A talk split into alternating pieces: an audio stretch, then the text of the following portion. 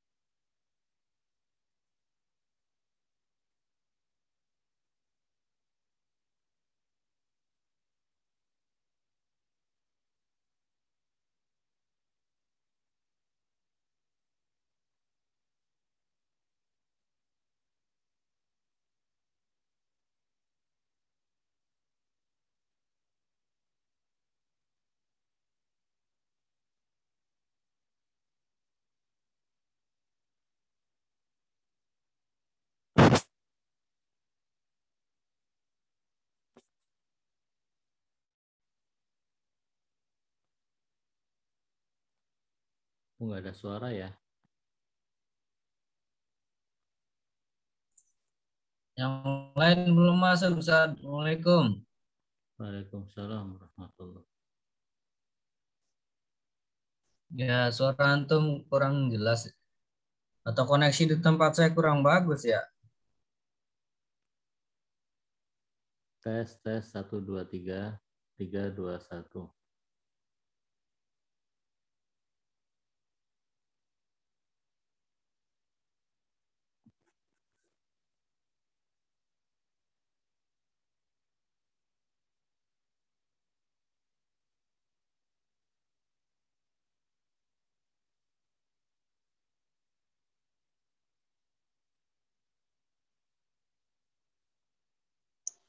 Ustadz keluar lagi ya?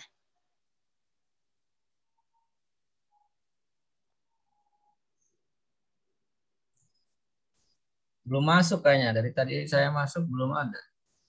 Udah tadi ada, ada. Tadi Udah. ada kok. Mm-mm.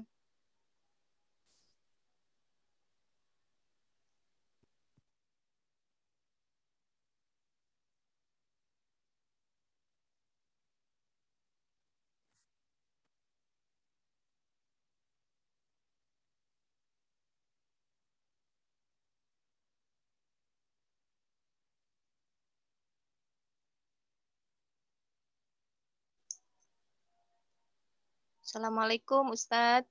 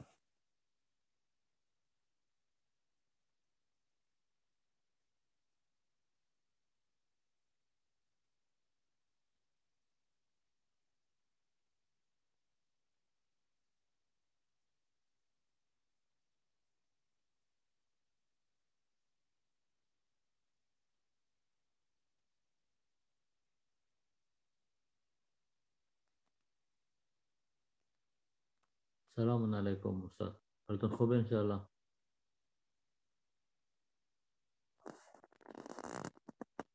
صدامو دارید؟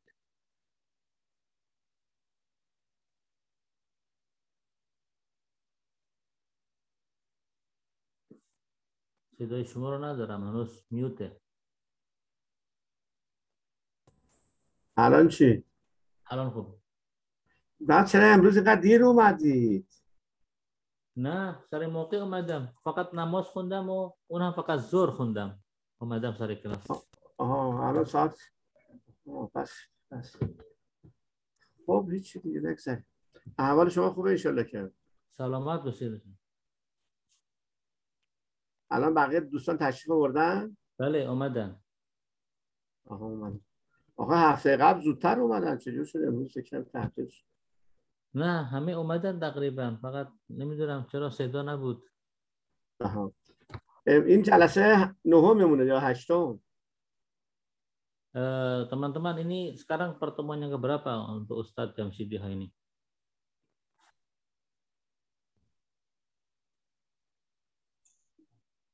Nasi itu Ustaz. Pak Dani Asabi ah. Asamina. yo هشتم یا هفتم؟ هشتم. بین این دوتا. سلام آقای دکتر آقای دکتر من بعدا زنگ می‌زنم من کلاس هستم. زنگ می‌زنم. خواهش کنم بله. خب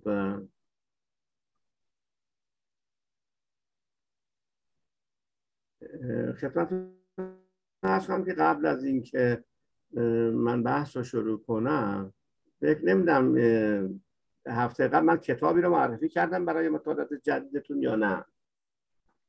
یک کتابی معرفی کردید برای به زبان انگلیسی که قرار بود هم فارسیش هم معرفی کنید برای ما. حراس بنیادی داره بله بله. فاندامنتال فیه آره. بعد دو تا کتاب دیگه هم هست که البته حتی یک البته انگلیسی بوده. و به فارسی ترجمه شده. این فکر کنم کتاب خوبی باید باشه. حالا بعدا اگر دیدید و پیدا کردید بخود فارسیش اینجوری هست. تفکر نوین سیاسی اسلام.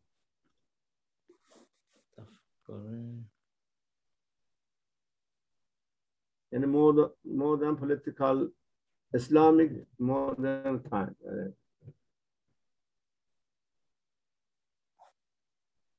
تفکر نوین سیاسی اسلام.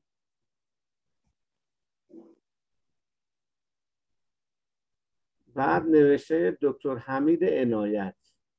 اینا ابتدا به انگلیسی چاپ شد ولی مشخصاتش به انگلیسی رو کتاب فارسیش متاسفانه ننوشتن ولی اولین به انگلیسی نوشته شده. و به هر حال اگر پیدا کنید کتاب خوبی است. یه کتاب دیگه هم هست از ایشون البته. باز اندیشه سیر اندیشه سیاسی عرب.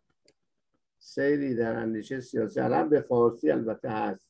حتی اون یکم به فارسی در ایران هست ولی خب این یکی هم هست. کتاب خوبی اگر. حالا اون انگلیسی پیدا کنید خیلی بهتره. راحت‌تر می‌تونید بخونید.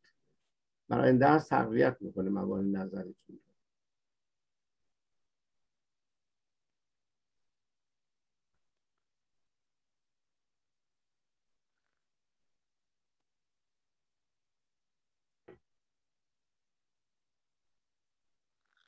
اون PDF هایی نداره چیزی برای این دوستانی که انگلیسی بلدن.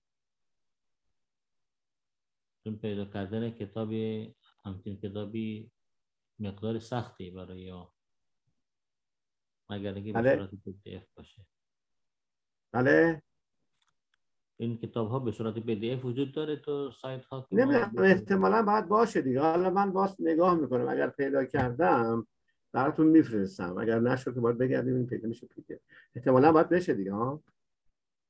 بله معمولا داره. آره دیگه به طور بله به طور معمول باید پیدا بشه.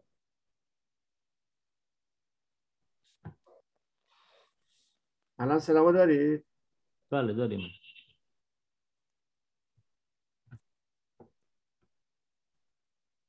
خب اه، اگر سلامو دارید بحث ادامه بدید اگر سوالی هست قبل از بحث من هستم خدمتتون Ya, tadi Ustadz men- mengenalkan ada dua buku, cuman dalam bahasa Parsi eh, yang untuk yang dikenalkan untuk bis- kita bisa tahu tentang pemikiran politik Islam kontemporer, kemudian juga pemikiran eh, politik di negara-negara Arab ini eh, ditulis oleh seorang penulis de- orang Iran bahasa Parsi tapi juga sudah diterjemahkan dalam bahasa Inggris.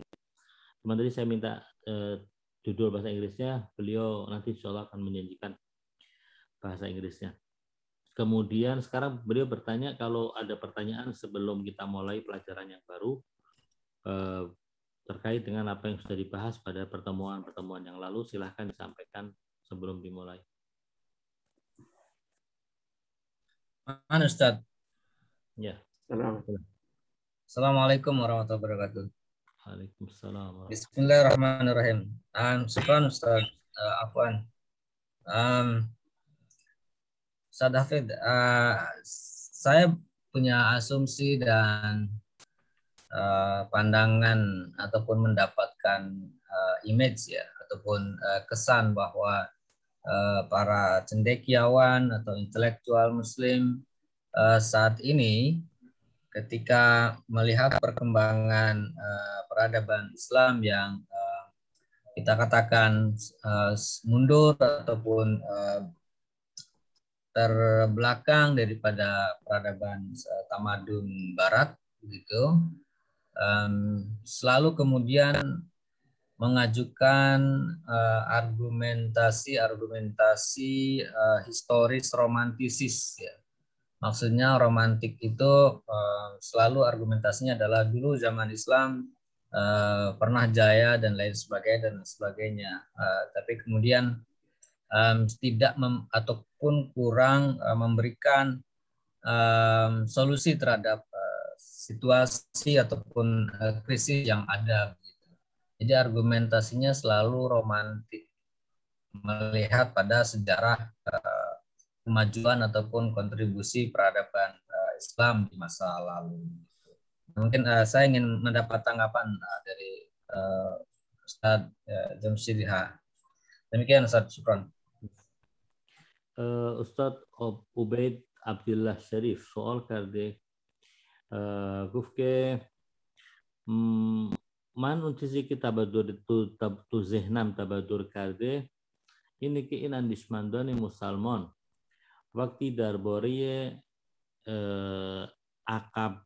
eh, yo, yo pasrafte musalmanon. Akab garde musalmanon. در حال حاضر معمولا در توجیه این مسائل به خاطرات شیرین زمان گذشته که در اون زمان هم تمدن اسلامی تقریبا حرف اول جهان را می‌زد و اون چیزی که در گذشته ما داشتیم اینا رو به رخ ما می‌کشن. و راه حلی برای رفع این همین مشکلات فعلی معمولا ارائه نکردن. حالا می‌خوایم نظر شما در این باره جویا بشیم. بسم الله الرحمن الرحیم. از شما از کنم که نظریه دولت و تمدن را که ما مطرح کردیم پاسخ به این سواله. ببینید ما در گذشته مسلمون ها اقتدار سیاسی داشتن اقتدار اقتصادی هم داشتن اقتدار فرهنگی هم داشتن. وقتی دستگاه سیاسیشون دچار بحران شد رو حوزه اقتصاد و فرهنگ هم تاثیر گذاشت. اگر مسلمان ها می‌خوان قدرتشون رو به دست بیارن تا اون عظمت گذشته باید اقتدار سیاسی داشته باشن. اقتدار سیاسی اول دولت اسلامی است. اگر ما می‌خوایم تمدن اسلام داشته باشیم باید دولت. دولت اسلامی نه که اسمش اسلامی باشه. باید به گزارها و اصول اسلام عمل کنه واقف باشه. البته خب تو مسلمان حتما می‌دونید دیگه بالاخره مبانی تفکری همه یکسان که نیست که. ولی راه حل اینه که اول دولت بعدش هم اقتصاد و فرهنگ با هم. یعنی اول باید دولت اسلام بشه. اگر می‌خوای که در واقع اون گذشته دوباره احیا بشه. راه حلش البته متفکرهای مختلف که فرض مثل سید جمال یا مثلا مثل عبدو اینا نظرات مختلفی دارن که حالا براتون میگیم بخشش رو. همه یک نظر ندارن. ولی امام خمینی برای اصلاح جامعه خودش راه مسیر دول تأسیس دولت اسلامی رو زد چون معتقده که اگر دولت اصلاح بشه بقیه امور هم اصلاح میشه. البته خب اگر دولت هم اصلاح نشه خب مشکلات داریم. ممکن البته نه که ما دولت نداریم ولی دولت های ما مقتدر نیستن تو کشور اسلامی. پایبندیشون به اصول اسلامی خیلی زیاد نیست. به همین دلیل که ما این همه مسلمان هستیم ولی خب فلسطین دست دیگرانه که این قدم اذیت میشن مردم فلسطین. یعنی مسلمان های فلسطین. اینقدر باید واقعا زجر بکشن. اینقدر این همه مسلمان عرب هم حالا دیگران هم در نظر نگیریم. این همه امکانات اقتصادی ولی چون دولت ها وابسته به غرب هستن از این امکانات استفاده میشه. به حال راه حل اون سوال ایجاد دولت اسلامی امام خمینی هم که Muskil Islam, dolat Islami. Ya, sebenarnya pertanyaan ini bisa dijawab dengan teori yang sudah saya paparkan di awal mengenai pemerintahan dan tamadun dan peradaban. Karena kuncinya ada pada pemerintahan. Dulu ketika kita umat Islam e, memiliki kekuatan politik, kekuatan militer, kekuatan kebudayaan dan ekonomi itu karena kita memiliki kekuatan politik, memiliki kekuatan uh, punya pemerintahan yang kuat. Sehingga itulah yang membuat kita bisa berbicara banyak, bisa membangun peradaban. Tapi ketika kita sudah tidak memiliki lagi kekuatan itu, yang ada hanyalah negara-negara dengan rezim-rezim dan pemerintahan-pemerintahan yang mengekor kepada kebijakan-kebijakan orang lain. Itu saat itulah ke, kemunduran umat Islam terwujud. E, tentunya kita untuk me, untuk menyelesaikan permasalahan ini kembali kepada teori pemerintahan dan tamadun itu kita perlu memiliki pemerintahan. E, tentunya kita tidak tidak bisa melupakan bahwa di tubuh umat Islam ini pak apa namanya pandangan tentang agama itu berbeda-beda, masing-masing punya pandangan sendiri-sendiri dan di dalam membentuk pemerintahan Islam pun memiliki pandangan-pandangan yang berbeda-beda. Para pemikir pembaharu, tokoh-tokoh pembaharu yang mendambakan kembalinya kejayaan Islam seperti Said Jamal, seperti Abdo, itu memiliki pandangan-pandangan dan teori dan solusi-solusi yang ditawarkan yang mana mungkin berbeda dengan pandangan para pembaharu yang lain seperti Imam Khomeini misalnya. Imam Khomeini dalam pandangan beliau untuk bisa mengembalikan kejayaan harus ada pemerintahan Islam terlebih dahulu. Pemerintahan yang dimaksud adalah bukan hanya namanya pemerintahan Islam, tapi betul-betul menjalankan apa yang di yang diperintahkan dalam agama. Baru bisa disebut sebagai sebuah pemerintahan Islam. Yang yang mana pemerintahan tersebut dia independen dan tidak mengekor kepada kebijakan pihak lain, tidak ditekan oleh oleh oleh oleh pihak yang lain. Nah, saat itulah baru kita bisa menyelesaikan permasalahan-permasalahan yang dihadapi oleh umat ini.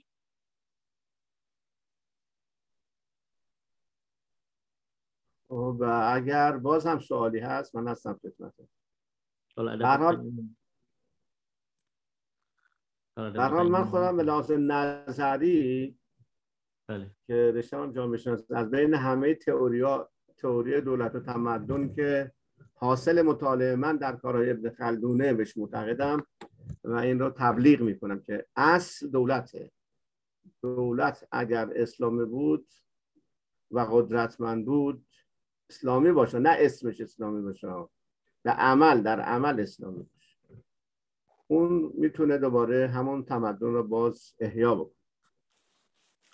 teori pemerintahan dan tamadun itu adalah teori yang saya pilih dari sekian banyak teori yang ada untuk mengembalikan peradaban dan kejayaan kita di masa lalu. E, tentunya ini bukan sebuah kebetulan saja. Ini adalah hasil dari telaah saya, perenungan saya, dan e, riset yang saya lakukan selama dalam waktu yang cukup lama sehingga saya bisa sampai kepada kesimpulan di antara semua teori-teori untuk mengembalikan kejayaan Islam di masa lalu adalah teori pemerintahan dan peradaban. Artinya kita harus memiliki pemerintahan. Pemerintahan yang islami, bukan hanya namanya Islam, tapi menjalankan ajaran Islam. Pemerintahan yang independen, pemerintahan yang betul-betul kembali kepada apa yang diperintahkan oleh agama. Saat itulah kita bisa akan bisa menemukan kemandirian kita, kejayaan kita, dan Islam kita jalankan di tengah masyarakat kita.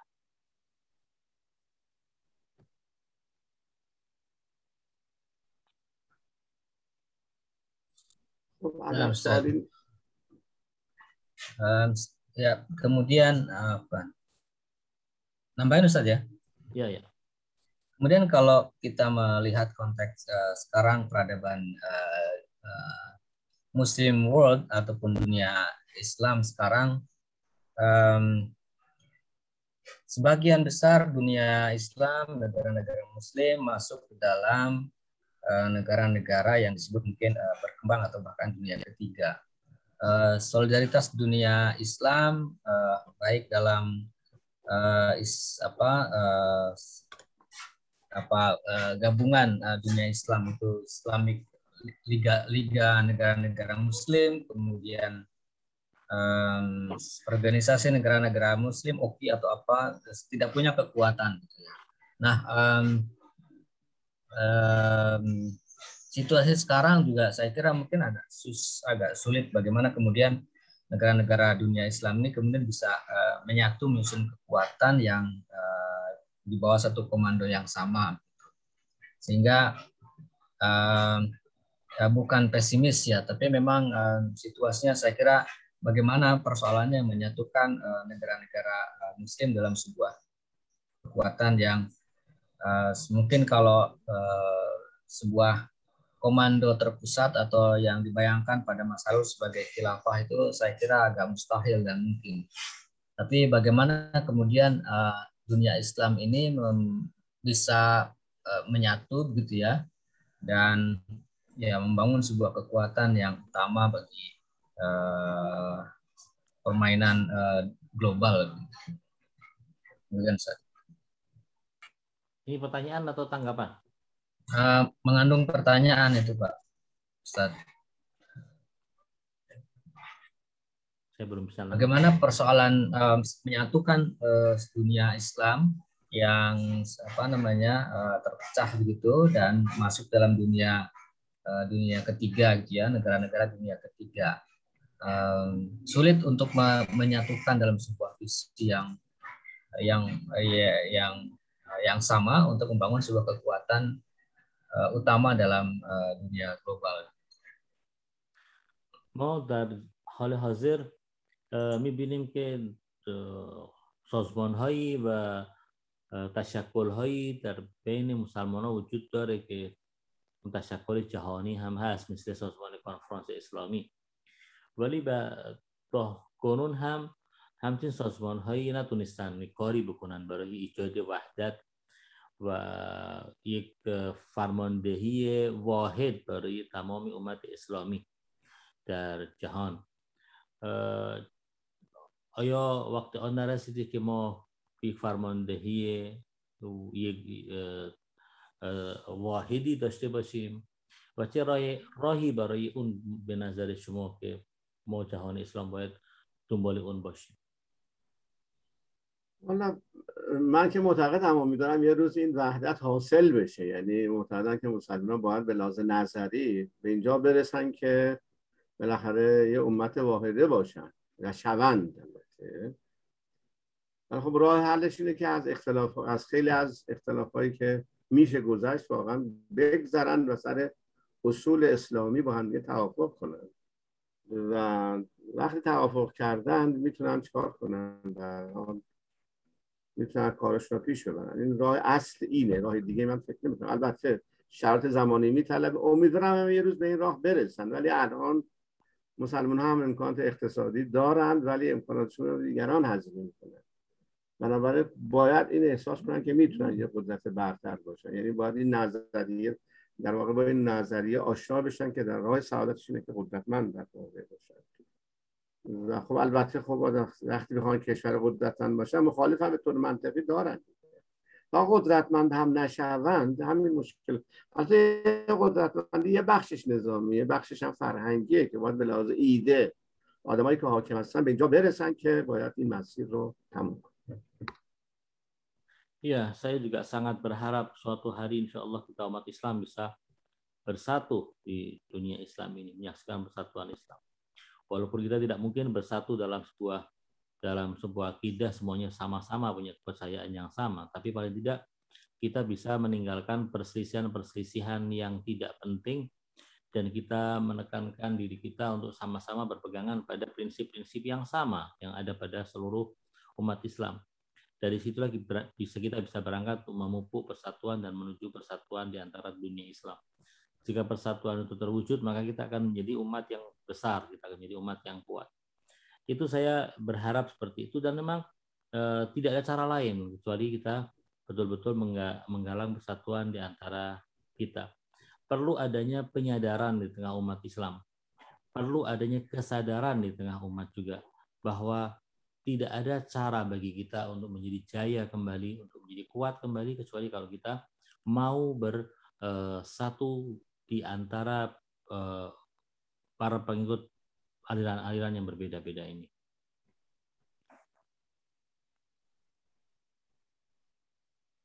Oke, Orif Firman Syah tas kesimpulan kami. Ada. Ogi Orif tas kesimpulan kami zahiran soal. اشکال نداره سوالش رو چون مهم اینه که این سوال جواب داده بشه silakan Pak Ya, Assalamualaikum warahmatullahi wabarakatuh Ustaz. Assalamualaikum. Ya, uh, mohon izin pertanyaan nih untuk Ustaz Hafid uh, sampaikan ke beliaunya yang pertama. Uh, kalau tadi beliau sempat menyebut Islam itu bisa kembali berjaya jika ada pemerintahan Islam eh, pertanyaan adalah saya rasa eh, kalau masing-masing negara-negara yang mayoritas eh, penduduk muslim mereka mengatakan bahwasanya mereka sudah memiliki pemerintahan Islam. Seperti misalkan Iran juga sudah mengatakan memiliki pemerintahan Islam. Afghanistan yang barusan juga eh, menilai dengan Talibannya mengatakan pemerintahan Islam Imarah Islamiyah. Eh, apa Arab Saudi juga mengatakan sebagai eh, apa itu kerajaan Islam dan hampir semua negara-negara yang mayoritas penduduk Islam mereka mengklaim mereka adalah pemerintahan Islam. Lantas eh, seperti apa lagi yang mungkin yang yang apa disampaikan oleh eh, Ustadz Jamsi Gitiho itu yang untuk mengembalikan kejayaan Islam. Apakah semua negara itu disatukan dalam satu sebuah negara ala Uni Eropa atau disatukan sebagai sebuah negara ala model kekhilafan yang dahulu atau seperti sekarang ini kan mereka juga sudah bersatu dalam uh, OKI, OKI Organisasi Konferensi Islam. Maka kira-kira seperti apa mungkin model yang layak untuk dijadikan uh, apa ini sebuah tujuan. Lantas yang kedua, uh, seandainya itu memang harus menjadi sebuah pemerintahan Islam, negara Islam yang satu kesatuan semuanya eh, dari negara-negara yang ada. Lantas ini ada dua mazhab ini. Ada mazhab Syiah, ada mazhab Sunni. Nah, kira-kira ini bagaimana untuk me menyatukan dua mazhab ini? Mohon, mohon penjelasannya. Terima kasih. Bale, terbariye masalaye daulat wa tamadun ke farmudit. Wa ini kemo احیای مجدد تمدن اسلامی نیاز به یک دولت قدرتمند اسلامی و منظور از دولت اسلامی دولتی که احکام اسلام و دستورات اسلامی را به اجرا در آورده چیزی که به یعنی از نظر من به اصطلاح نظر من اینه که اکثر کشورهایی که با اغلبیت مسلمان جمعیتشون اغلبا مسلمانن اینا ادعایی دارن که مثلا دولتشون دولت اسلامی این مثلا ما داریم عربستان سعودی میگن که ما سلطنت اسلامی مملکت اسلامی هستیم ایران مثلا ما گفتن که ما نظام ما نظام جمهوری اسلامی و افغانستان که جدیدا هم طالبان روی کار آمدن گفتن که ما امارت اسلامی هستیم. و همچنین کشورهای دیگر کم و بیش مثلا ادعای اسلامیت دارن. حداقل گفتن که ما اون چیزی که برنامه ریزی می‌کنیم برای کشورداری بر طبق دستورات اسلامی این رو تنظیم کردیم و اجرا کردیم. ما یک سوالش اینه که منظور کدومه؟ آیا اون چیزی که گفتن میشه گفت که مثلا دولت اسلامی داریم اگر همچین چیزی که داریم پس آیا همچین وضعیت با همین منوال رهاش بکنیم با این هم زام و این هم داخل همون دولت بدونیم که دولت و تمدن مثلا بحث راجع دولت و تمدن و یا نه این دولت ها باید به یک شکلی مثلا یک دولت واحده باشه دولت واحده جهانی برای مسلمان ها مثل همون در زمان گذشته با همون خلافتی که ما داشتیم خلافت عثمانی و غیره. و یا اینه که نه همین وضعیت موجود رو رها بکنیم و اتحاد بین این کشورها و دولت های اسلامی کافی مثل سازمانی مثل همین کنفرانس اسلامی سازمان کنفرانس اسلامی. و این هم نوع اتحاد هم بین مسلمان هم به وجود میاره. و این سوال اول. سوال دوم اینه که ما شاهدیم در در میان مسلمان ها دو تا مذهب بزرگ وجود داره یعنی مذهب شیعه و مذهب اهل سنت. اگر ما بخوایم این وحدت و اتحاد ایجاد بکنیم بر کدوم دیدگاه؟ آیا ما دیدگاه شیعه را مقدم می‌دونیم یا دیدگاه اهل سنت؟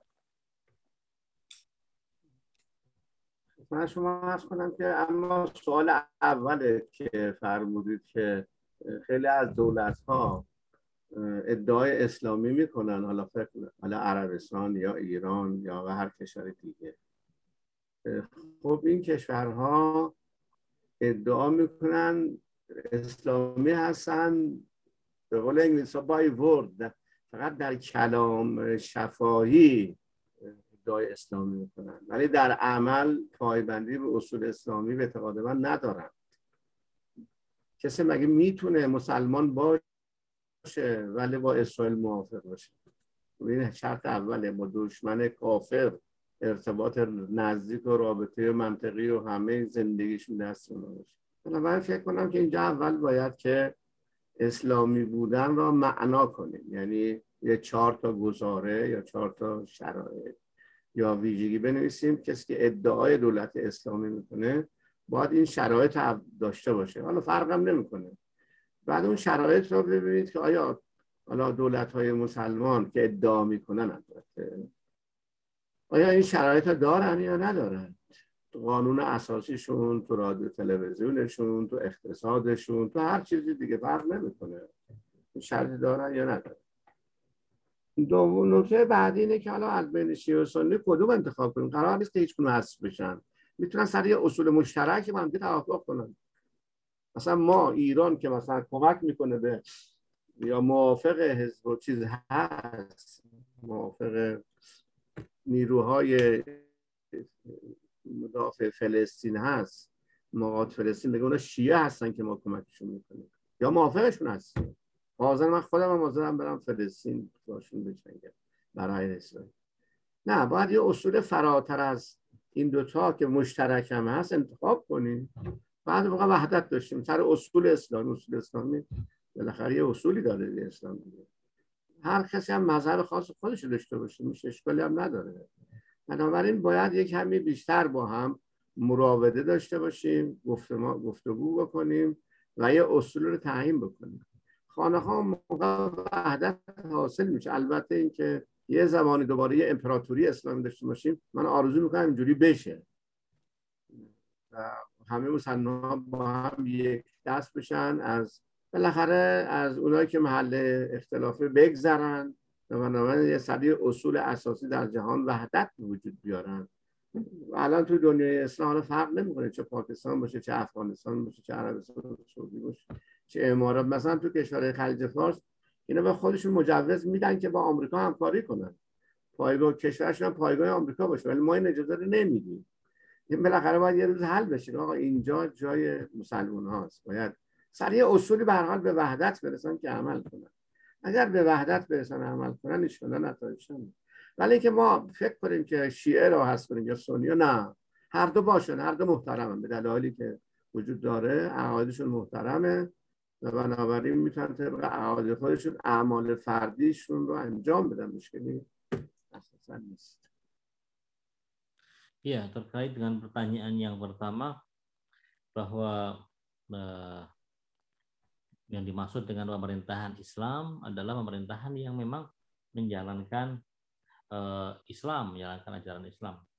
Kita tidak tidak bisa untuk mengatakan bahwasanya sebuah pemerintahan Islam akan mengizin akan mengizinkan dirinya untuk menjalin hubungan dengan Israel misalnya. Ini jauh dari prinsip keislaman itu sendiri. Karena itu kita perlu juga untuk memberikan definisi dan eh, kriteria-kriteria apa yang mesti dipenuhi oleh sebuah pemerintahan sehingga layak disebut sebagai pemerintahan Islam bagi negara Islam. Eh, tidak peduli apakah itu adalah pemerintahan Islam di Pakistan, di Afghanistan, di Saudi atau di mana saja. Eh, perlu ada garis-garis besar. Berdasarkan garis-garis besar itu, pemerintahan ini layak disebut sebagai pemerintahan yang Islam atau pemerintahan yang bukan Islam. Dari situ kemudian kita akan melihat sejauh mana mereka telah menjalankan Islam. Jika sudah menjalankan Islam, maka eh, menuju kepada kebesaran pemerintahan itu sehingga akan menjadi sebuah pemerintahan yang kuat, itu adalah suatu hal yang kita bisa harapkan. Memang kita bisa berharap, kita berharap bahwa akan ada sebuah imperium yang besar seperti dulu yang menyatukan seluruh umat Islam di bawah satu payung sehingga menjadi sebuah kekuatan yang besar terhadap kekuatan-kekuatan lain di di dunia ini. Tetapi itu eh, harus kita harus diwujudkan melalui kerja keras dari semua pihak. Eh, Mengenai pertanyaan yang kedua, masalah Syiah dan Sunni. Kita tidak sedang berbicara mengenai dan kita juga tidak menginginkan adanya pemilihan di antara dua itu. Ini adalah dua mazhab besar dalam Islam. Kalau kita mau membuat sebuah sebuah persatuan misalnya, bukan pandangan Syiah yang dikedepankan dan bukan pandangan Ahlussunnah yang dikedepankan. Yang harus kita lakukan adalah menutup mata dari perbedaan-perbedaan yang ada dan memupuk persatuan dan kedekatan kita, kesatuan kita dengan persamaan-persamaan yang ada di antara kita. Karena kita adalah satu keluarga besar, mengikuti sebuah agama yang sama, dengan prinsip-prinsip dasar yang sama. Sementara perbedaan-perbedaan itu hanya e, bersifat parsial. Kita tidak bisa memaksa pihak lain untuk mengikuti pihak yang untuk mengikuti kita dan kita juga tidak akan pernah mau dipaksa untuk mengikuti pendapat pihak yang lain. Tetapi dengan perbedaan yang ada di antara kita, kita masih bisa bersatu karena banyak sekali prinsip-prinsip persamaan yang ada di tengah kita. Itu yang bisa kita jadikan sebagai uh, sebagai uh, cikal bakal untuk bisa menumbuhkan persatuan di antara umat Islam. Ustaz. Ya. Ada tanggapan dan pertanyaan. Assalamualaikum Ustadz Jamsidiho. Uh, dari beberapa pertemuan yang saya ikuti, kami ikuti, itu memang uh, Ustadz kan mengedepankan ada dua pendekatan ya menurut saya. Pertama adalah pendekatan yang sifatnya formal, formalistik, yakni teori tentang pemerintahan Islam dalam mewujudkan satu peradaban. Kemudian yang kedua yang diangkat dari pemikirannya Jamaluddin Al-Afghani tentang bagaimana penguasaan ilmu pengetahuan saya tertarik dengan tadi ungkapan Ustadz mengenai kita memang harus eh, apa namanya membuat semacam kriteria atau definisi tentang apa itu satu pemerintahan Islam. Nah, kenapa saya tertarik dengan ini? Karena saya membaca beberapa saat yang lalu itu saya sendiri lupa ada riset terkait tentang hal ini uh, perisetnya dua orang muslim, sarjana muslim dari Mesir dan dari Turki. Mereka membuat 14 kriteria untuk uh, apa namanya untuk menentukan sebetulnya negara mana sajakah yang memang uh, bisa dikatakan negara Islam. Tetapi yang menarik di sini itu uh, kriterianya yang bersifat substantif ya sehingga tidak formalistik pendekatannya. Jadi tidak formalistik dalam artian e, dicantumkan juga beberapa negara dari sekian 280 negara itu e, di listing termasuk ada negara muslim dan negara non muslim. Dan yang menarik dari penelitian ini negara yang paling pertama memenuhi kriteria yang mereka buat itu adalah negara non muslim yakni e, New Zealand. Dan yang paling menarik juga itu negara muslim menempati urutan yang ke-40 dan Indonesia itu entah yang keberapa begitu. Jadi eh, pertanyaan saya mungkin kriteria seperti apa gitu ya yang bisa kita apa namanya tentukan atau buat untuk eh, apakah ini sudah masuk dalam kriteria itu penegakan pemerintahan Islam itu apakah pendekatannya harus formalistik atau memang cukup substansinya saja. Karena memang dari dari beberapa negara seperti Indonesia misalnya kan tidak tidak uh, tidak menyebutkan dirinya sebagai negara muslim gitu. Tetapi negara Pancasila. Itu satu. Kemudian tanggapan yang kedua, saya juga tertarik dengan teman-teman tadi yang mengemukakan bagaimana mempersatukan Islam. Sebetulnya di samping kita memang harus memiliki pemerintahan Islam yang kuat, mungkin menurut saya juga uh, memang harus ada musuh bersama begitu. Jadi musuh bersama itulah yang justru bisa kadang-kadang bisa membuat kita semakin kuat gitu. Yang paling kelihatan sekarang sekarang itu adalah uh, kasus misalnya Israel seperti itu ya, Palestina. Kan itu adalah musuh bersama, tapi bisa kita lihat bagaimana negara-negara Islam itu ada yang membela, ada yang tidak gitu. Seperti itu, Ustaz. Mungkin tanggapan saya dua itu. Terima kasih. Ya. Uh, tuto masalah yang khasam menurut uh, matra bukuna wa ini ke uh, bagaimana جالبه وقتی فهم فرمودید درباره مشخصات و به اصطلاح معیارهایی برای دولت اسلامی برای دولت اسلامی و حکومت اسلامی که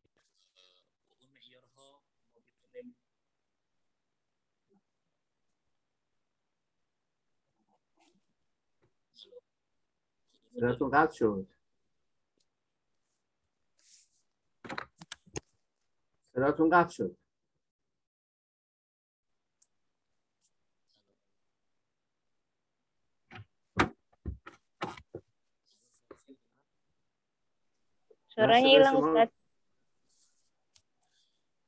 من صدا شما ندارم.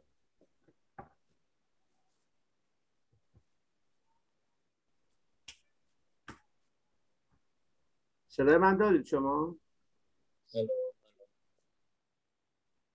بله بله. صدای صدای استاد داریم. من صدای شما رو ندارم.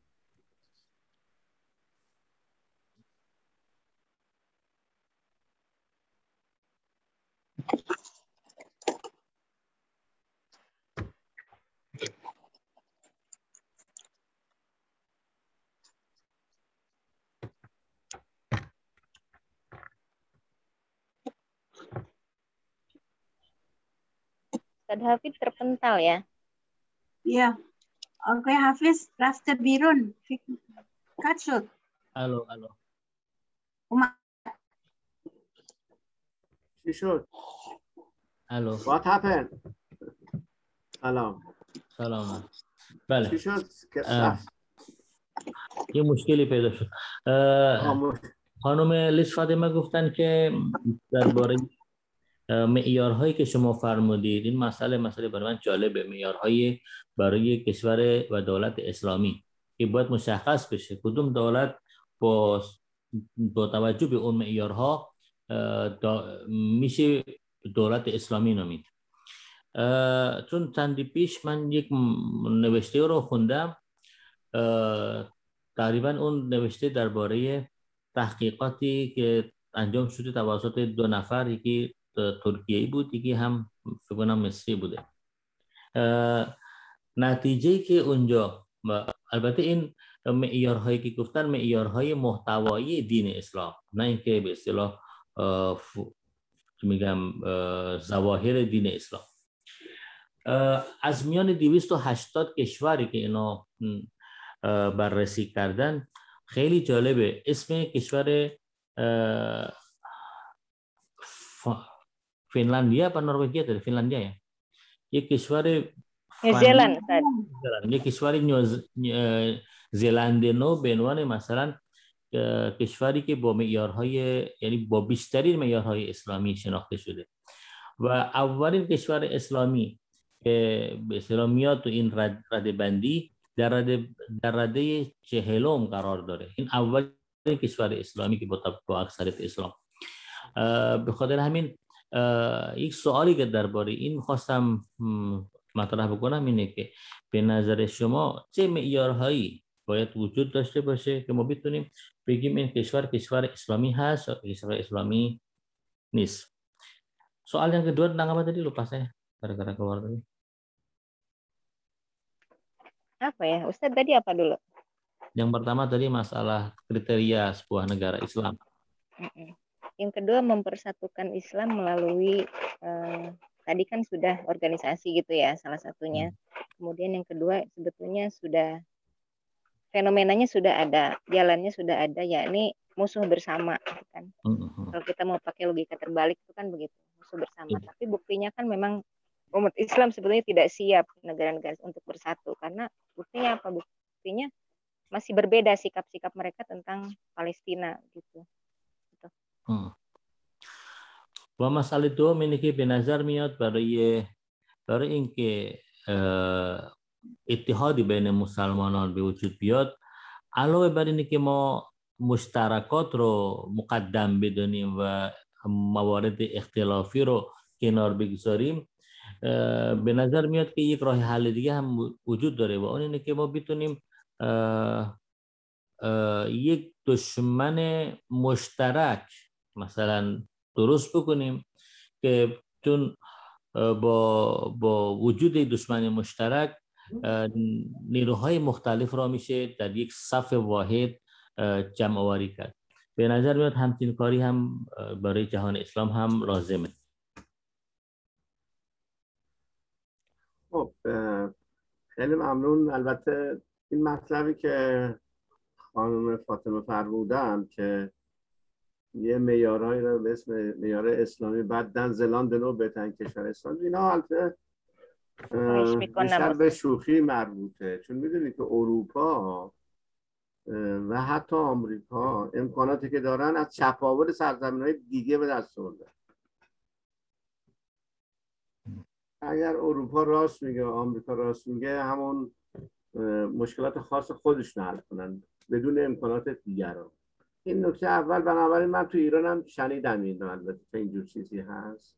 البته زلاند نو ممکنه یک کشوری باشه کوچولو و با یه امکاناتی که نه محل منازعه هست نه محل تجاوز هست. فرض یه کشوری رو در نظر بگیریم مثل فلسطین بگیم مردم چگونه هستن. که 50 سال هر روز یا شهید میدن یا مجروح میدن. خب این حرف یعنی بقیه شرایط با هم جور نیست. در عبارت دیگه اگر ما بخوایم دو تا چیز رو با هم مقایسه کنیم باید وجه تف... تشابهشون و وجه تفارقشون در واقع مشخص بشه بعد قضاوت اما در اینکه ما بالاخره اگر بخوایم متحد بشیم باید رو مشترکاتمون تکیه بکنیم. خب البته یه راه راهی که ایشون دشمن سازی کنیم یه دشمن مشترک پیدا کنیم. الان بعضی از مسلمان با دشمن مشترک مون با هم دوست هستن. با اونا بیشتر دوستن تا با ما.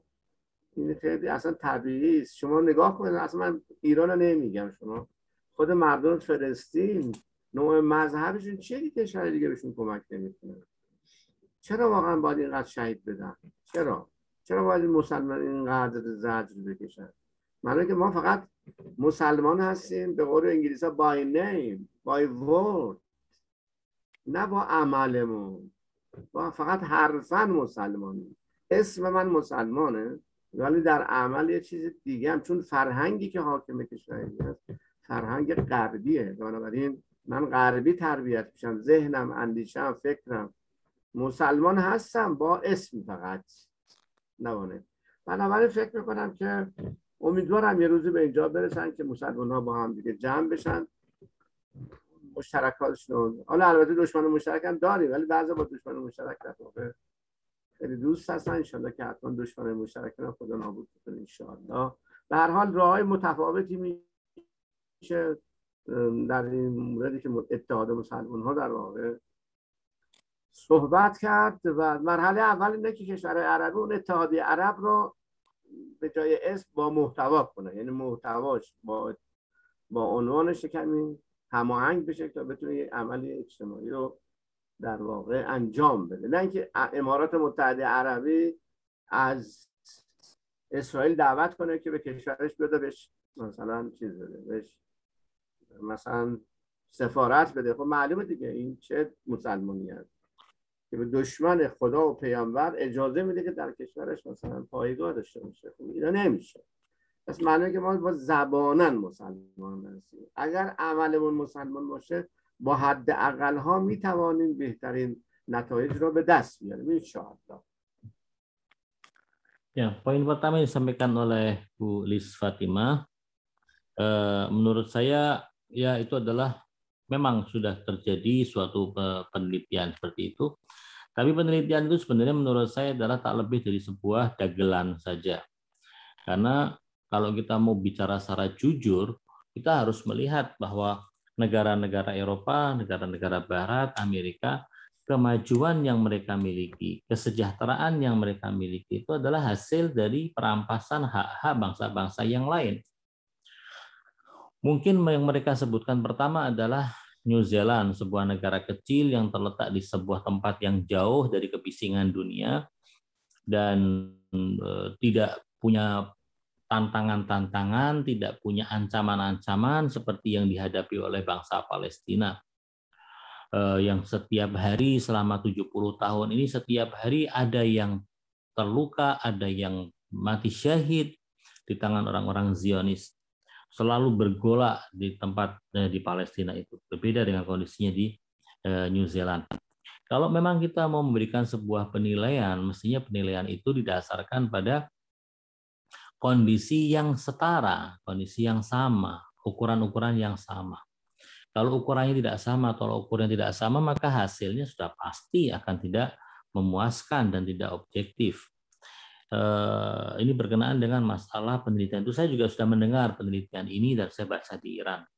Tapi menurut saya ini penelitian yang terlalu eh, lebih layak disebut sebagai dagelan daripada sebuah eh, penelitian yang yang yang ilmiah. Berkenaan dengan masalah musuh bersama yang memang perlu diciptakan, kita itu sebenarnya sudah punya musuh bersama. Hanya saja dalam menyikapi musuh bersama itu ada perbedaan sikap. Kita menyaksikan adanya pihak-pihak yang justru bergandengan tangan dengan musuh bersama. Kita tahu bahwasanya salah satu musuh bersama kita adalah rezim Zionis Israel. Tapi kita saksikan di antara negara-negara yang mengaku sebagai negara Islam, ternyata bergandengan tangan dengan mesra dengan rezim Zionis Israel ini. Kita lihat misalnya eh, sebuah persatuan yang diberi nama eh, Liga Arab yang menggabungkan orang-orang Arab, negara-negara Arab. Ternyata Liga Arab hanya sekedar nama saja Liga Arab tidak mewakili kearapan mereka. Harusnya Liga Arab itu bisa me, bisa melangkah lebih bukan hanya menggunakan nama Liga Arab tapi juga mengisi perkumpulan ini dengan dengan eh, kandungan-kandungan yang berbobot tidak seperti yang sekarang kita saksikan namanya Liga Arab salah satu negara dari Liga Arab yang disebut juga bagian dari negara-negara Islam ternyata mengundang Eh, Israel untuk membuka kedutaan besarnya di negara tersebut. Maksud saya seperti Uni Emirat Arab yang dengan terang-terangan di hadapan semua orang disaksikan oleh masyarakat dunia mengundang Israel untuk membuka kedutaan besarnya di sana.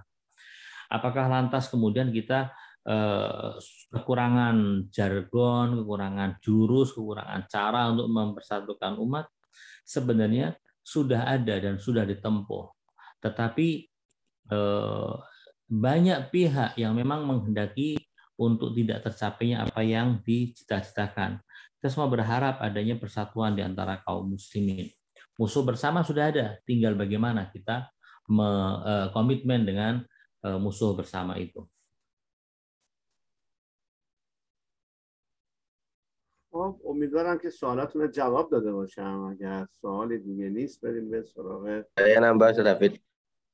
Oke, Syahrul Ramadan Ham. boleh. Silahkan, silahkan. Uh, enggak, saya menanggapi bully saja Sal, uh, terkait penelitian itu ya. Salah satu contoh semisal ini yang sering diserang diser, uh, apa, ditujukan kepada negara Islam.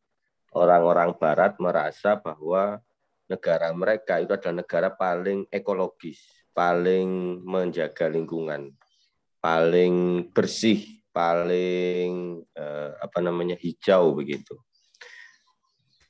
Termasuk dalam penelitian itu kan salah satu poinnya adalah mengapa mereka dianggap negara Islam karena bersih, karena lingkungannya terawat. Contoh semisal Australia, Jepang, Amerika begitu negara yang non Islam. Tapi kalau di ditarik dan kita analisa, mereka benar bersih dan ekologis di negara sendiri. Tapi mereka punya perusahaan-perusahaan yang mengeksploitasi lingkungan di negara-negara berkembang seperti di Indonesia. Perusahaan Amerika, perusahaan Jepang, perusahaan-perusahaan yang lain dari negara-negara yang mengatakan negara paling bersih. Dan ketika mereka mengeksploitasi alam di negara berkembang, mereka mengat, negara berkembang dan negara yang beragama, mereka mengatakan oh negara yang beragama Islam itu negara yang kotor. Padahal yang melakukan kerusakan alam ya dari negara mereka Negara mereka benar bersih, tapi mereka merusak alam di negara lain. Itu aja Saudara tambahan. Salah satu bukti bahwa itu tidak bisa di, dikatakan negara yang tidak Islam terus Islami. Karena ya mereka merusak negara yang Islam. Ya, Ya, یکی آقای شهر رمضان سوالی این نداشت بلکه یک تعلیقی بر اون چیزی که خانم لیس فاطمه گفته شهر رمضان گفت که این تحقیقاتی که خانم لیس مطرح کرده در واقع این علمی نبوده و تحقیقاتی کی مطرح کرده؟ بله تحقیقاتی که کی؟ همون تحقیقاتی که خانم الیش گفته درباره بهش اشاره کرد بله. گفت که بله کشورهای مثل آمریکا و ژاپن و استرالیا کشورهای چون یکی از معیارهای به اصطلاح اسلامی بودن به نظر اون محقق این بوده که نسبت به محیط محیط را محیط زندگی را خوب نگهداری می‌کنه. محیط جه... طبیعت را نگهداری می‌کنه. یکی از معیارها. درسته ژاپن و استرالیا و آمریکا تمیزتر و منظمتر از کشورهای اسلامی و کشورهای متدینین. ولی همین اینایی که تو کشورشون کشورشون رو تمیز نگه داشته اینا آمدن تو کشورهای اسلامی و کشورهای دیگر مثل کشور اندونزی مثلا. این ثروت اندونزی و ثروت این کشورها رو به چاپاول می‌کشن به و منابع طبیعی اینا رو نابود می‌کنن. یعنی درست کشورشون حفظ می‌کنن ولی کشور دیگه رو خراب می‌کنن. به خاطر به نظر به خاطر همین من با نظر استاد هم موافقم. این تحقیق تحقیق علمی نبوده. متشکرم. جزاک الله خیرا کثیرا Terima kasih Pak Syahrul. خب بریم سراغ درسمون ببینیم که درس ما تو هفته گذشته به بحث سید جمال رسیدیم. و ما دیگه زمان همون خیلی تو کوتاه داره میشه. یعنی خیلی نه یکی دو جلسه یا سه جلسه دیگه بیشتر نیستم خدمت شما امروز هم می‌خوام اگر بشه عبدو و کواکبی و رشید رضا رو بگیم و این بحثا تموم بشه انشالله در حال بریم سر بحث ابتداعا عبدو که یکی از متفکران خوب مشهور هست.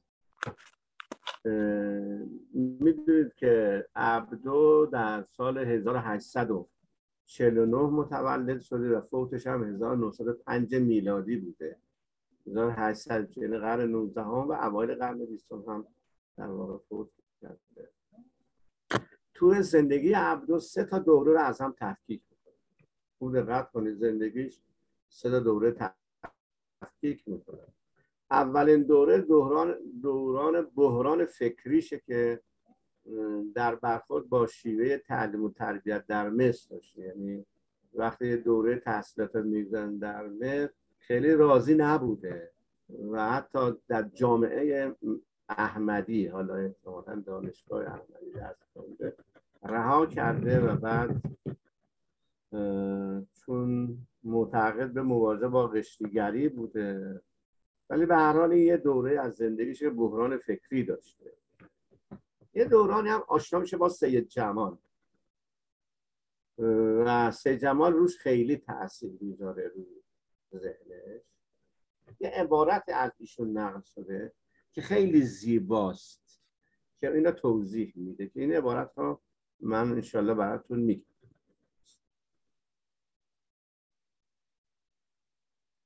شما ترجمه کنید تا من قسمت برم دوره دوم دوره سوم چی بوده؟ بله. دوره سوم نگفتید؟ دوران سوم. با من هستید؟ بله بله. دوره اول دوره بحران فکری دوره دوم دوره در, در برخورد با شیوه تعلیم و تربیت در مصر است دوره, دوره دوم آشنایی با سید جمال و تاثیر پذیری از اوست. بله دوره سوم جدا شدن از سید جمال و تدوین آثاره سه دوره سوم جدا شدن از سید جمال و تدوین آثار Ya, kita cukupkan pertanyaan dan kita masuk pada pembahasan kita. Insya Allah kalau bisa saya akan menyelesaikan dalam pertemuan ini pembahasan mengenai Muhammad Abduh, Rashid Rizal, dan Kawakib. Eh, karena kita tidak punya pertemuan banyak, mungkin sekitar dua atau tiga pertemuan lagi. Sayyid Syekh Muhammad Abduh yang lahir tahun 1849 dan wafat tahun 1905 Abdo setidaknya memiliki eh, kehidupan yang bisa kita rangkuk, yang bisa kita bagi dalam tiga eh, tiga masa. Masa yang pertama adalah masa ketika Abdo berhadapan dengan eh, krisis pemikiran saat dia tidak setuju dengan sistem pendidikan dan pengajaran yang ada di Mesir. Fase kedua kehidupan Abdo adalah ketika dia berkenalan dengan Said Jamaluddin Asad Abadi.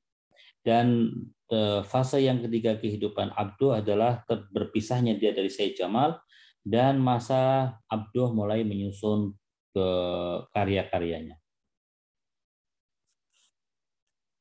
خب در دوره دوم توضیح دارم. یک عبارت داره که خیلی زیباست. من اینو براتون می‌خونم. و تأثیر پذیریش رو از در واقع سید جمال نشون میده میگه که این عبارت مال خود عبدو هست. میگه پدرم به من حیاتی بخشید که با برادرانم سهیم هستم. خوب دقت کنید. پدرم به من حیاتی بخشید که با برادرانم سهیم ولی سید جمال حیاتی به من بخشید که در آن با محمد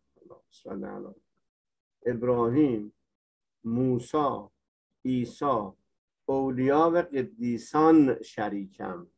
خیلی عبارت قشنگیه. پدرم به من حیاتی بخشید که با برادرانم سعیم هستم. ولی سید جمال حیاتی به من بخشید در آن با محمد ابراهیم موسی عیسی اولیا و قدیسان شریکم این عبارت خیلی زیبایی انصافا قشنگیه. خب در این دوره توجه به بازگشت به منابع کرد توجه به اجتهاد و فلسفه و پرهیز از فرقه گرایی و ویژگاه فکری سجمال در این دوره. ولی دوره سوم در واقع جدا شدن از سید جماله سال 1884 بالاخره آقای عبدو به تشویق سید جمال برای ابلاغ خواسته های میهن پرستان مصر سودانی به نمایندگان پارلمان اروپا به لندن میره نتیجه هم نمی‌گیره. ولی بعدا که میره پاریس رو برمیگرده به لبنان و بنابراین به مصر برمیگرده و بنابراین اساسا از کارهای سیاسی در واقع کار سیاسی رو کنار می‌گذاره. این خیلی مهمه. کارهای سیاسی رو کنار می‌گذاره و به این فکر می‌رسه که اساسا اصلاح فکر دینی مسلمانان باید در پیکار سیاسی مقدم باشه. این فکر رو اونجا به ذهنش میاد در نتیجه اینه که زن... بله؟ چی بود مقدم؟ باشه اون جمله آخری که فرمودید؟ اصلاح فکر دینی مصریان باید در پیکار سیاسی در استعمار مقدم باشد. یعنی فکر سیا... اصلاح فکر دین باید مقدم باشه بر رفتار سیاسی.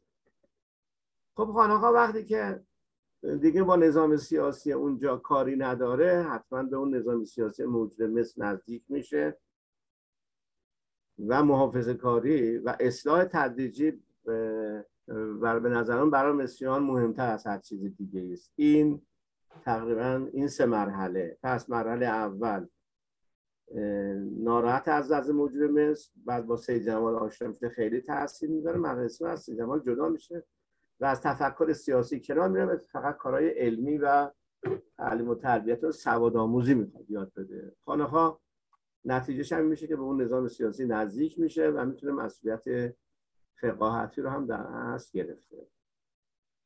ya. Dalam periode kedua kehidupannya Syekh Muhammad Abduh berkenalan dengan Syed Jamaluddin dan sangat terpengaruh pada sangat terpengaruh atas pemikiran-pemikiran Syed Jamal. Ada satu ungkapan yang yang disampaikan oleh Muhammad Abdul yang menurut saya ini adalah ungkapan yang sangat indah.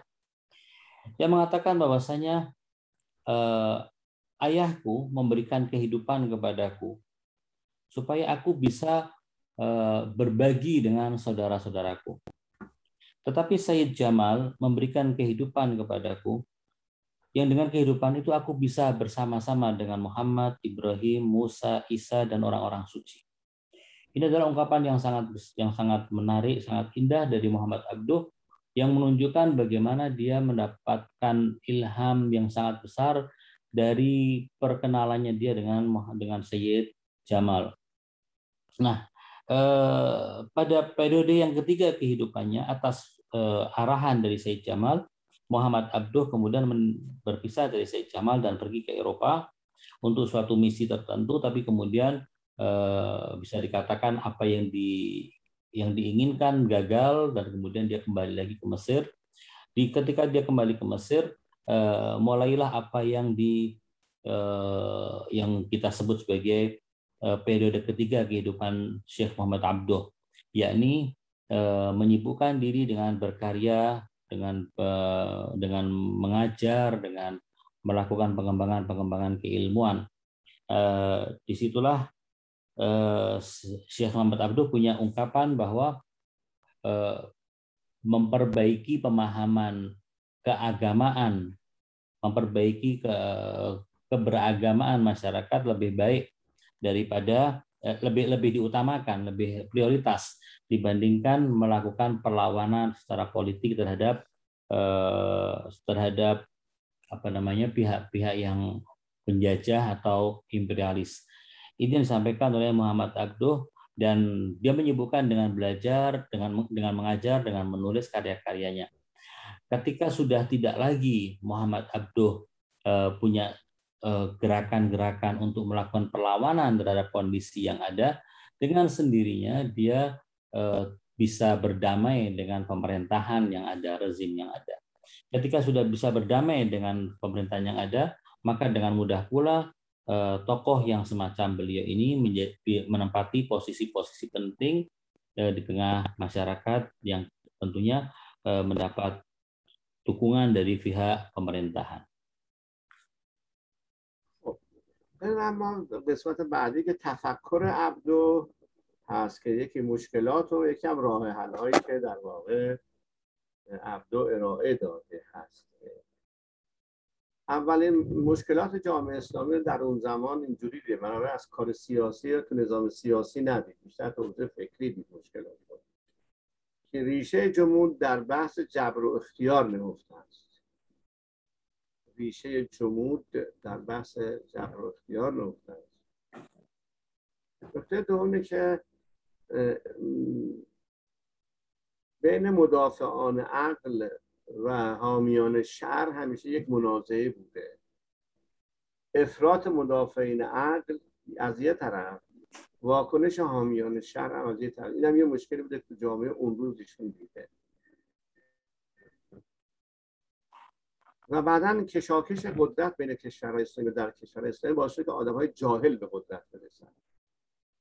یعنی نکته آخر که میگه که در اون جامعه که زندگی کرده میگه عقل را از همه زمینه ها بیرون راندن و هر کس از آن سخن می‌گفت به کفر گمراهی منصوب داشتن. در واقع دعوای قدیمی عقل و دین رو دوباره احیا کرده این مشکلات جامعه اون روز در واقع مثل بوده که ایشون ملاحظه در واقع کرده سومی چی بوده دی؟ سومیش در واقع دعوای قدیمی بین عقل و دین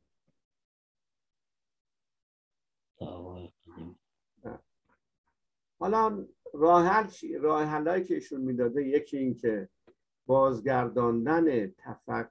تعقل به صحنه تفکره.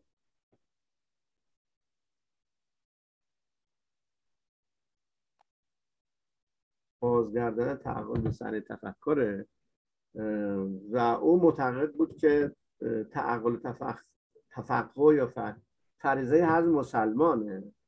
نتیجه این بازگردن تعقل و تفکر تعقل و تفکر میشه که اجتهاد به جامعه برگرده. توجه به اجتهاده. یعنی اگر جامعه به تعقل تفکر اعتقاد داشته باشه این هم یک نکته. راه حل دومی که میده انتباق احکام با نیازهای عصره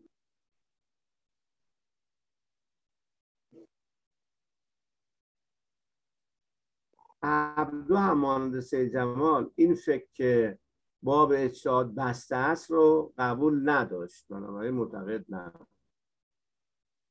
نکته سوم اینه که در تطبیق شریعت اسلامی بر اوضاع و احوال جهان امروز دو تا اصل رو مطرح کرده. یکی اصل مسلحت و یکی هم اصل تلفیق. اصل مسلحت و اصل تلفیق. اصل تلفیق البته از نظر ایشون البته اگر قاعده از قرآن و سنت گرفته شه و حال مسلمانان زیاور باشه میگه باید به نام به مسلحت کنار گذاشته بشه. ایشون اینو گفته. اصل تلفیق هم یعنی در پاسخ به سوالهای زمانه از تلفیق اندیشه های همه فرق اهل سنت استفاده بشه. این در واقع اصل تلفیق همون شاید فقه مقارن هم باشه که شهید متحری ازش نام می‌بره. برای اون مشکلات بود این هم در واقع راه حلایی که من خدمت شما ازشون نقد کردم Ya. Berkenaan dengan masalah pemikiran Muhammad Abduh, eh, dalam pemikiran Muhammad Abduh, permasalahan dunia Islam yang paling yang paling menonjol adalah eh, masalah jumud. Dan menurut menurut Abduh bahwa jumud atau kebekuan dalam berpikir itu eh, sumbernya adalah dari eh, pemikiran mengenai jabar dan ikhtiar. Ya ini apakah manusia itu adalah makhluk yang di yang jab yang dijabar artinya dia telah di telah disetting oleh Tuhan sehingga dia tidak bisa berbuat apa-apa. Apa yang dilakukan adalah semua settingan Tuhan. Atau manusia itu punya ikhtiar artinya dia punya ke, kewenangan untuk menentukan nasib dirinya sendiri.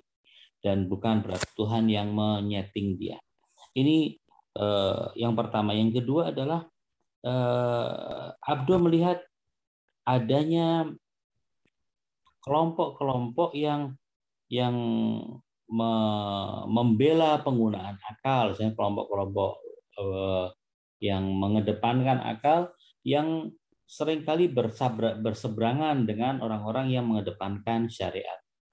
Atau dengan kata lain pergumulan antara akal dan syariat.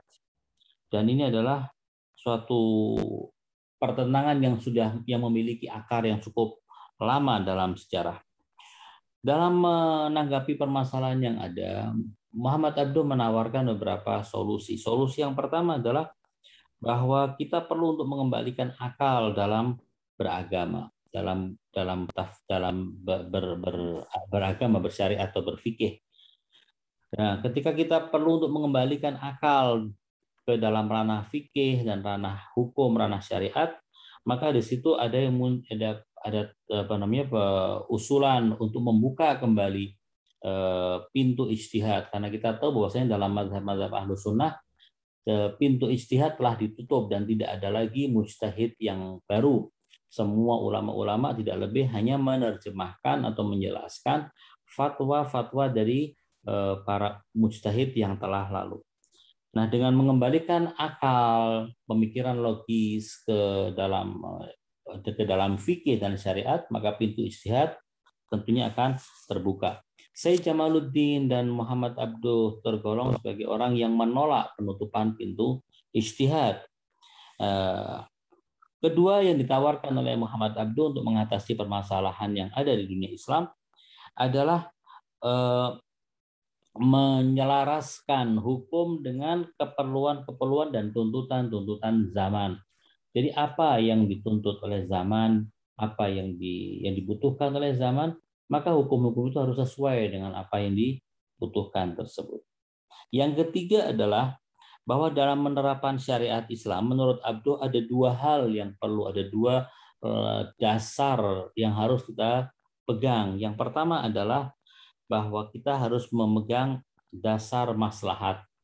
Yang artinya adalah kalau kita berhadapan dengan masalah dengan permasalahan agama lalu kemudian ada maslahat maka maslahat pula yang harus dikedepankan walaupun itu adalah tuntunan dari agama kalau tidak maslahat maka disingkirkan maslahat yang maslahat yang yang yang ada maslahatlah yang dilaksanakan yang kedua adalah eh, dalam menerapkan syariat Islam itu rukun yang kedua yang harus diperhatikan adalah tentang asas Eh, penyelarat atas asas penggabungan, pengkombinasian.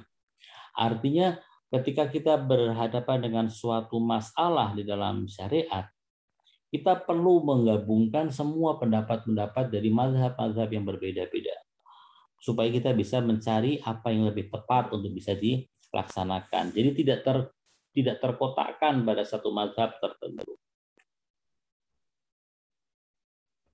خب اگر اینجا سوالی هست من هستم خدمتتون تا نه برم قسمت کواکبی هم بگم Di sini kalau ada pertanyaan silahkan. Kalau tidak saya lanjut kepada pembahasan mengenai tokoh berikutnya yaitu Kawakibi.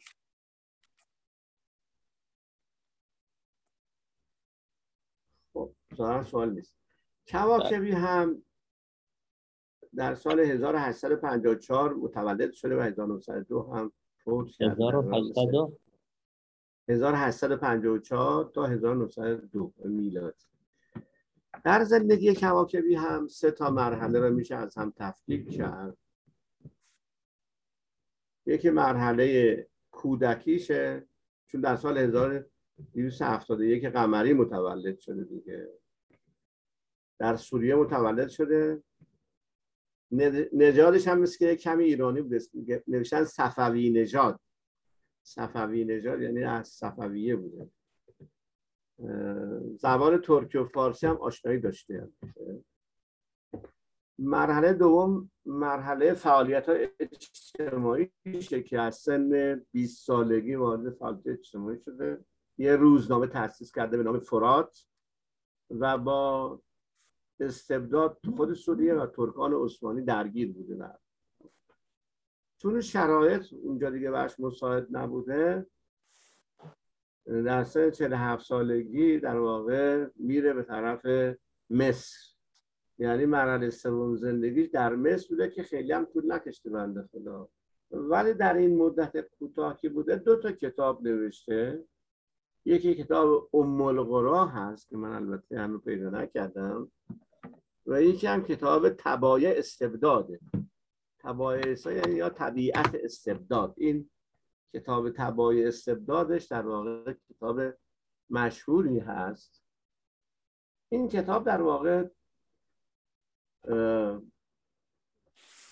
توی ایران به فارسی ترجمه شده. من الان با خودم دارم این کتاب تو خونه. تو کتاب فروش های ایران هم هست. تبایع استبداد یا سرشت های خودکامگی. سرشت های خودکامگی و فکر کنم کتاب خوبی حالا اگر فارسی و انگلیسی نمی‌دونم هست یا نه این کتاب. ولی این حدود شاید همون زمانی که نوشته به ایران اومده این کتاب. زمان قاجاریه ایران, ایران اومده ایران کتاب. چون این, زم... این ترجمه اولیش به وسیله یک کسی به نام عبدالحسین میرزای قاجار. این کتاب معنیه که صد, سال پیش حداقل ترجمه شده تو ایران بوده.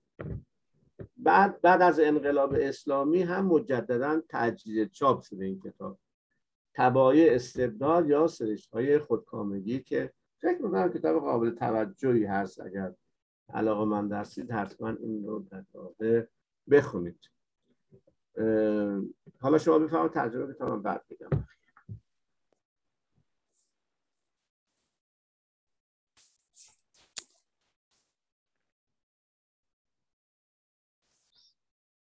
صدا من دارید شما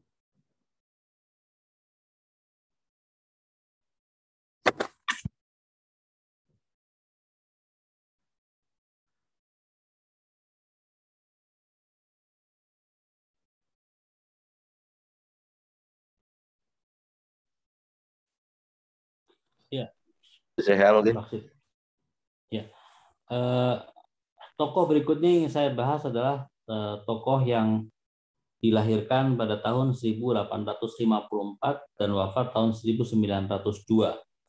Dikenal dengan nama Kawakibi, lahir di Suriah. Eh, nampaknya beliau adalah orang yang memiliki garis keturunan Persia, Iran. Eh, Kawakibi punya tiga periode kehidupan, periode kan masa kanak-kanaknya, masa remajanya. Lalu kemudian periode kedua adalah periode aktivitas sosial dia ini mulai dari usia 20 tahun sempat membuat eh, membuat dan memimpin sebuah apa namanya surat kabar. Lalu kemudian ada eh, tidak apa namanya eh, per, penentangan pertentangan antara dia dengan pemerintahan Turki sampai kemudian dia terpaksa harus meninggalkan negerinya dan pergi ke Mesir.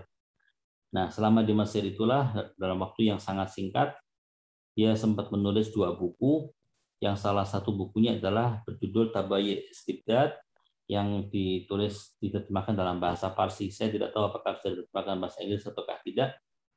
Eh, ini buku dicetak, diterbitkan pada zaman dinasti Qajar. Artinya ini kurang lebih daripada 100 tahun yang lalu telah diterbitkan dan setelah kemenangan revolusi Islam di Iran, buku ini juga dicetak eh, ulang dan diterbitkan ulang. توی این کتابی که خیلی هم مشهور هست به نام تبایع استبداد یعنی طبیعت استبداد استبداد یعنی چی چه تعریفی داره در واقع اینجا چکار می‌کنه؟ استبداد رو تعریف می‌کنه. البته قبل از اینکه استبداد تعریف کنه یه تاریخچه از این کتب سیاسی میده و معتقده که اساسا تو دنیا رو کتب سیاسی و بحث از استبداد بالاخره بحث های زیادی شده. میگه تو قرون وسطا کار خیلی فوق العاده نیست در همون اصل در دنیای اسلام کتاب زیادی هست که یا رازی نوشته یا توسی نوشته یا غزالی نوشته. سیاست با عدد ترکیب کردن مثلا معری نوشته یا مثلا سیاست با تاریخ و تطبیق در ابن خلدون اینجا چیزای متفاوتی گفته ولی معتقد در اصل جدید اروپاییان هم خیلی به بحث سیاست پرداختن. و هر می‌خوام یه سیاست یه حوزه است که معرفتی است که خیلی بهش توجه شده. نکته اساسی که ایشون تعریف می‌کنه اینه که اولا تعریف منشأ استبداد چیه؟ استبداد یعنی چه؟ بقیده و این نکاتش معلوم بقیده و استبداد تصرف نمودن در امورات یا امورهای مشترک به مقتضای هوا می باشد هوا یعنی هوای نفس منظور این صفحه 79 این کتاب بشه پس استبداد به عقیده تصرف نمودن در امورهای مشترک به مقتضای هوا می باشد. هوای نفس. منشأ استبداد از اونجا ناشی میشه که حکمران یعنی کسی حکومت می‌کنه مکلف نیست تا تصرفات خود را با شریعت یا بر قانون یا بر اراده ملت تطبیق و هماهنگ کنه. پس اینجا استبداد میگه اونجا ناشی میشه که حکمران خیلی مهمه. حکمران مکلف نیست. حکمران مکلف نیست تا تصرفات خودش را یا دخل تصرفات خودش رو در شد یا بر شریعت یا بر قانون یا بر اداره ملت. و آقا طبق قانون من این پول رو میدم به این. طبق قانون با این کشور ارتباط کنم. طبق قانون یا قرآن. میگه اینجور کسی مستبده. و نهایت این که او معتقد بود استبداد از بین نمیره. مگر اینکه اجرا کنندگان که که قانون یعنی دولت مردان در برابر قانون نهندگان. قانون نهندگان یعنی نمایندگان مجلس. و قانون نهندگان هم در برابر ملت و اونایی که قانون وضع در برابر مردم پاسخگو باشن. این حرف چه سالی زده 1902 یعنی تقریبا 120 سال پیش بیشتر. گفته که استبداد از بین نمیره. میگه که در کشورهای اسلامی چیکار بکنن؟ کسی که قانون وضع می‌کنه در برابر مجلس مجلس هم در برابر مردم چیکار بکنه؟ پاسخگو باشه. بگه آقا چرا من قانون رو وضع کردم؟ چرا اینجوری گفتم؟ حالا در کشور بعض از کشور اسلامی که اصلا فکر مجلس هم, نیست. حالا ببین استبداد پس همه من یه بار دیگه بگم. بنابراین در کتاب ریشه های استبداد یا تبای استبداد یه تاریخ اندیشه سیاسی رو میگه که بهش استبداد یکم تعریف استبداد مستبد و راه استبداد رو هم داد. Ya, di dalam kitab beliau yang Tabai Istibdad itu uh, beliau menjelaskan tentang tabiat dan tabiat uh, kediktatoran. Pertama beliau menjelaskan mengenai uh, masalah uh, politik dan bagaimana pemerintahan dalam definisi-definisi yang bermacam-macam. Kemudian beliau menjelaskan mengenai apa itu yang disebut dengan istibdad atau yang atau istilahnya eh, kediktatoran. Nah, kediktatoran menurutnya adalah ketika orang merampas hak bersama untuk kepentingan dirinya karena unsur hawa nafsu. Ini adalah salah satu definisi dari eh, kediktatoran yang disampaikan. ketika berbicara mengenai bagaimana kediktatoran itu muncul, kediktatoran itu, itu muncul adalah ketika seorang eh, penguasa merasa dirinya tidak perlu untuk mengikuti aturan, tidak perlu mengikuti aturan yang dibuat, aturan yang ada di tengah masyarakat, aturan bahkan aturan agama sekalipun. Jadi ketika seorang sudah tidak lagi merasa dirinya dituntut untuk menerapkan dan tunduk kepada aturan-aturan itu, itulah eh, kediktatoran saat itu. Nah, eh, padahal yang sah, yang padahal seharusnya penguasa itu harus bertanggung jawab bertanggung jawab terhadap hukum dan undang-undang yang telah dibuat. Dia bertanggung jawab kepada pembuat undang-undang. Siapa pembuat undang-undang? Pembuat undang-undang adalah parlemen. Dan parlemen juga punya tanggung jawab. Dia harus bertanggung jawab di hadapan rakyat. Karena rakyatlah yang menempatkan mereka di parlemen itu. Sayangnya kita saksikan bahwasanya eh, ini di apa namanya kondisi di dunia Islam saat ini bahkan di beberapa negara kita saksikan tidak ada yang namanya eh, parlemen.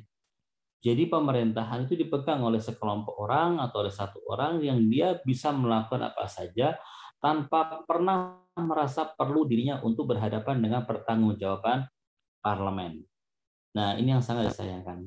Sangat menarik menurut saya ketika eh, Kawakibi menulis masalah ini menjelaskan tentang akar-akar dari kediktatoran itu lalu apa namanya menjelaskan pula mengapa kediktatoran itu muncul dalam buku yang ditulis lebih dari 120 tahun yang lalu.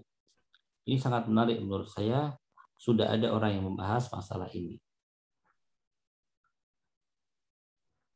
Oh, در این کتاب اگر علاقه من باشید که حتما نگاه کنید کواکبی رابطه استبداد را با دین با علم با بزرگی با مال با اخلاق با تربیت و یا ترقی و راه های استبداد رو میگه. حالا البته جالبه که در ابتدای این, این کتاب به یک حدیث از امام علی هم اشاره شده که من استبد به رعیه حلک هر که خود کامه شد در واقع حلاک کردید این هم یه حدیثش. البته اینا دیگه علاقمند خود خودتون بخونید. ما که نمی‌تونیم زیاد بگیم. در حال یه نکته جالبه که بحث صفحه 149 این کتابه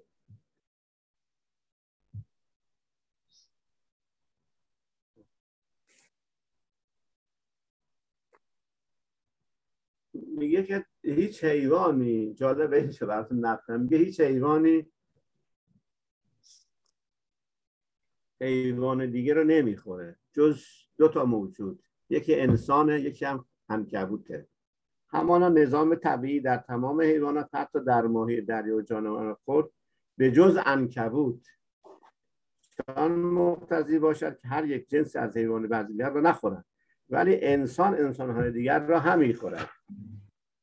و از طبیعت حیوانان باشد که روزی از خدای سبحان طلب کنن از محل طبیعان. اما انسان حریص باشد که طلب روزی از برادر خود و هر حال بگه انسان یه موجود خیلی زمینه های استبداد رو دار ولی کتاب خوبی اگر علاقه من بودید حتما این کتاب بگیرید بخونید. و اما بریم چند جمله در مورد رشید رضا بگیم چون باید امروز این بحث رو تمام کنیم هفته دیگه به بحث دیگه بعد از به طور مختصر. خب رشید رضا هم یکی دیگه از متفکران بله اجازه بفرمایید ترجمه کنم اول آره ببخشید معذرت dalam kitab Tabai Istibdad ini Kawakibi juga menulis tentang masalah hubungan Eh, kediktatoran dengan agama, dengan kondisi, dengan dengan akal, dengan syariat, dengan berbagai macam sisi dibahas masalah eh, masalah istibdad ini atau kediktatoran.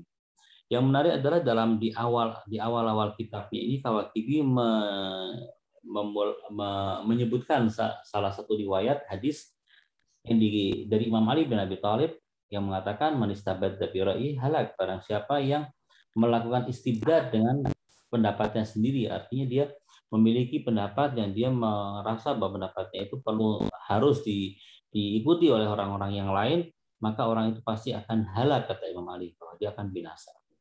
Uh, intinya di dalam kitab ini uh, Kawakibi menjelaskan mengenai potensi manusia untuk melakukan ke istibdad dalam bentuk yang paling ekstrim sekalipun.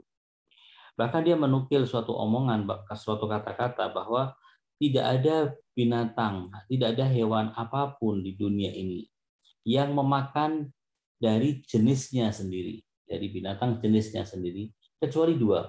Yang satu adalah laba-laba dan yang kedua adalah manusia. Tidak ada kita menyaksikan bahwasanya misalnya singa memakan singa atau misalnya Eh, binatang buas yang lain memakan binatang buas yang memangsa binatang dari jenis dari jenis dirinya kecuali manusia dan eh, laba-laba. Ini menunjukkan bahwasanya Kawakibi ingin menyampaikan kepada kita bahwa manusia itu kalau saya dilepaskan dia akan melakukan istibdad dalam bentuk yang paling ekstrim sekali.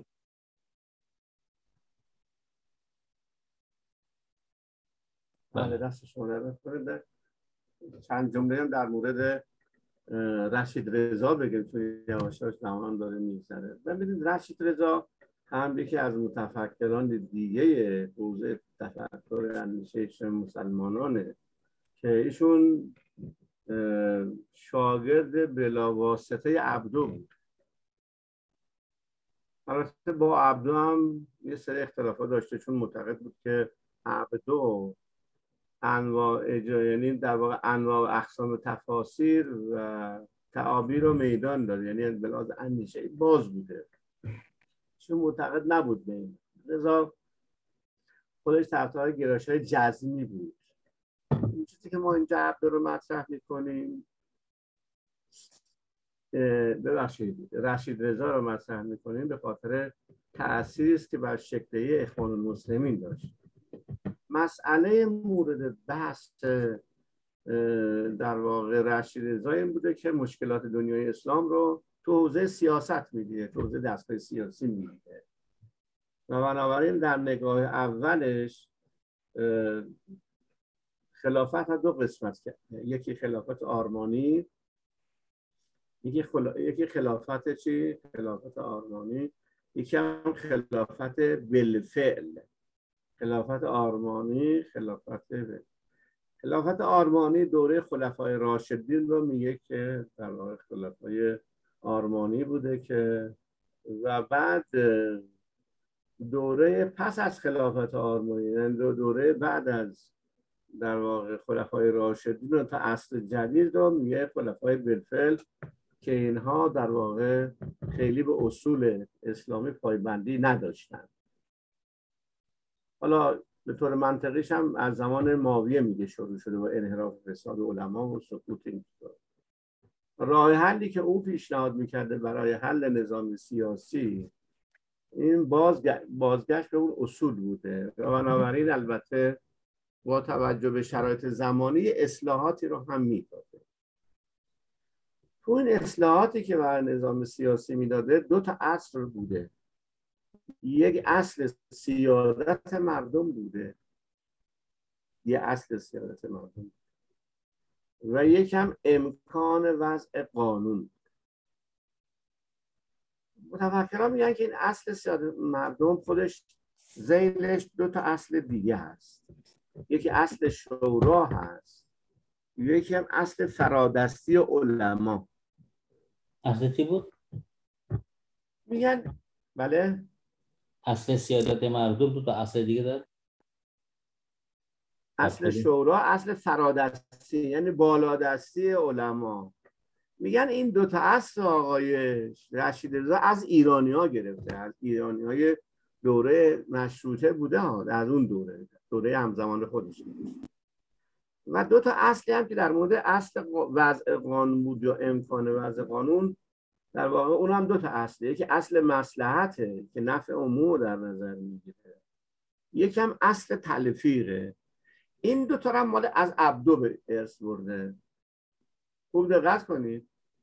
پس رشید یه متفکری بوده که مشکل در نظام سیاسی می‌دیده. و نظام سیاسی یه تقسیم بندی کرده. خلیفه آرمانی خلیفه بلفل خلیفه آرمانی فقط خلفای راشدین رو قبول داشته. بقیه خلفا رو بعدا هیچ قبول نداشته تا عصر جدید. برای اینکه یک یک جامعه خوب داشته باشیم میگه که باید در اون یعنی حاکمیت امکان وضع قانون پیش بیاد سیادت مردم باشه و امکان وضع قانون.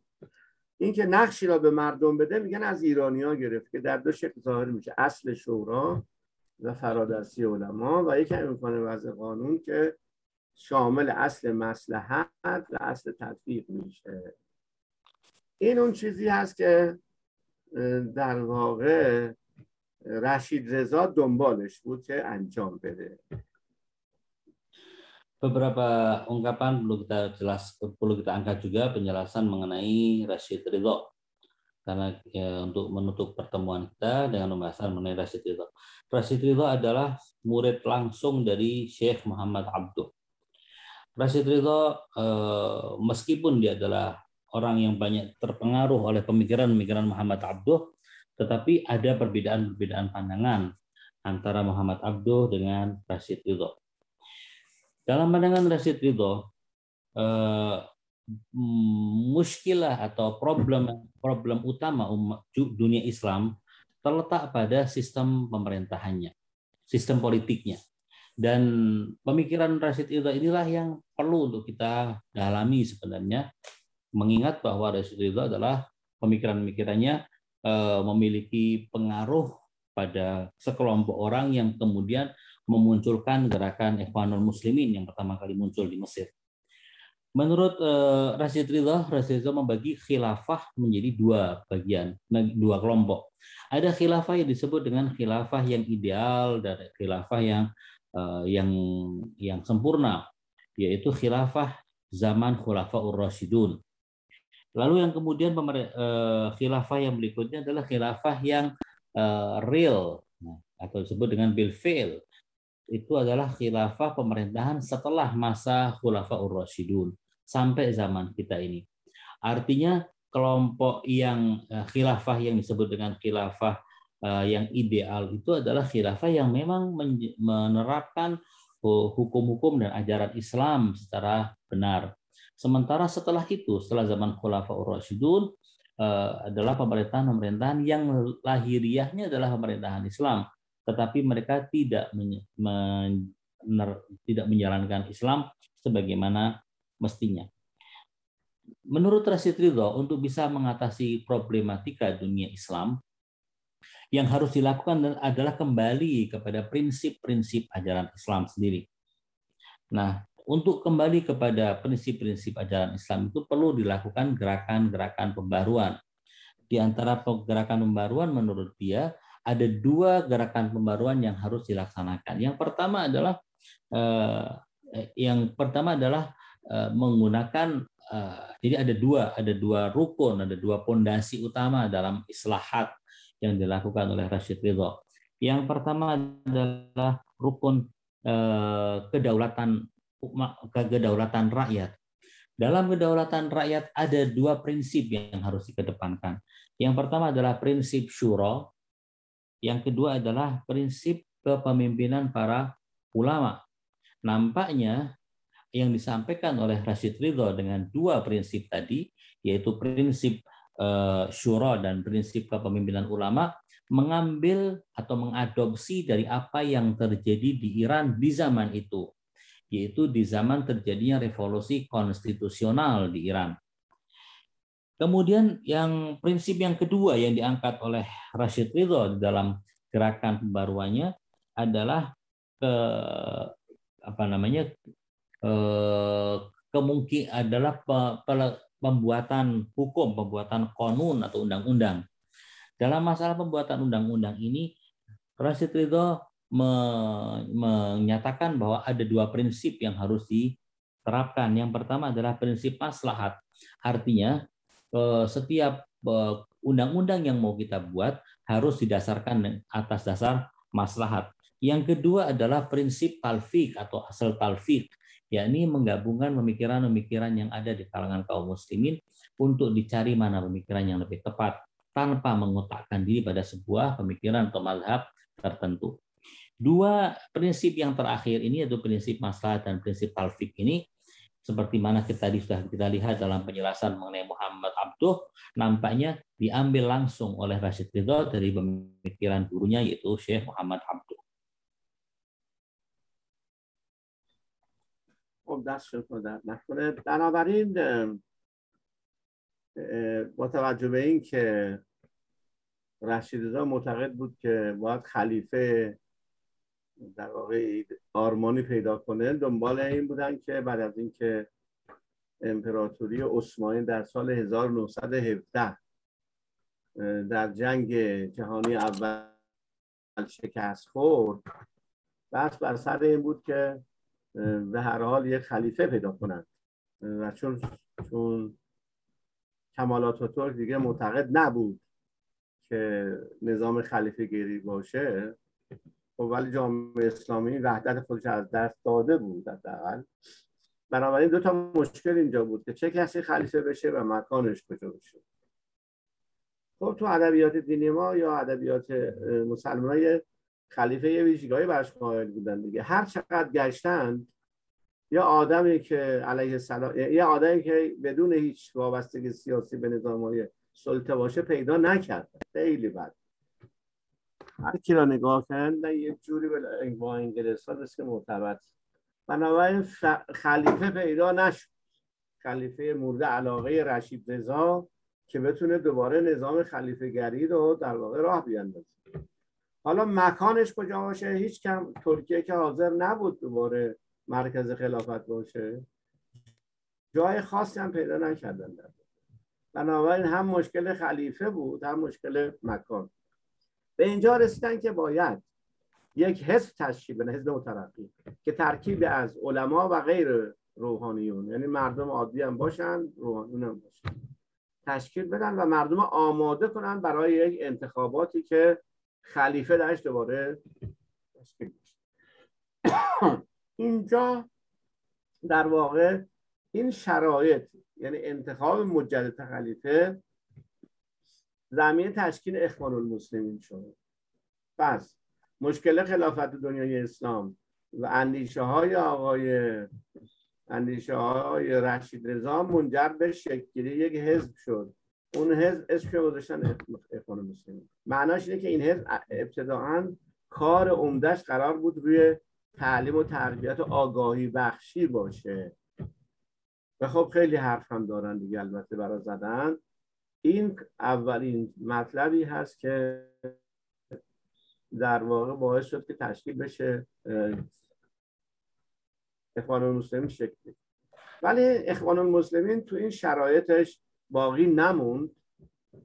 چرا که حوادث جهانی حوادث جهانی و منطقه‌ای و در سطح ملی مشکلاتی پیش اولین مسئله که در سطح جهانی مطرح بود شکست امپراتوری عثمانی در جنگ جهانی اول بود. مسئله دوم این بود که در سال 1922 یه چیز جامعه بین الملل که بعدا در سال 1947 سازمان ملل نام گرفت. یه قطنامه را تصدیق کرد و فلسطین را دو قسمت کرد.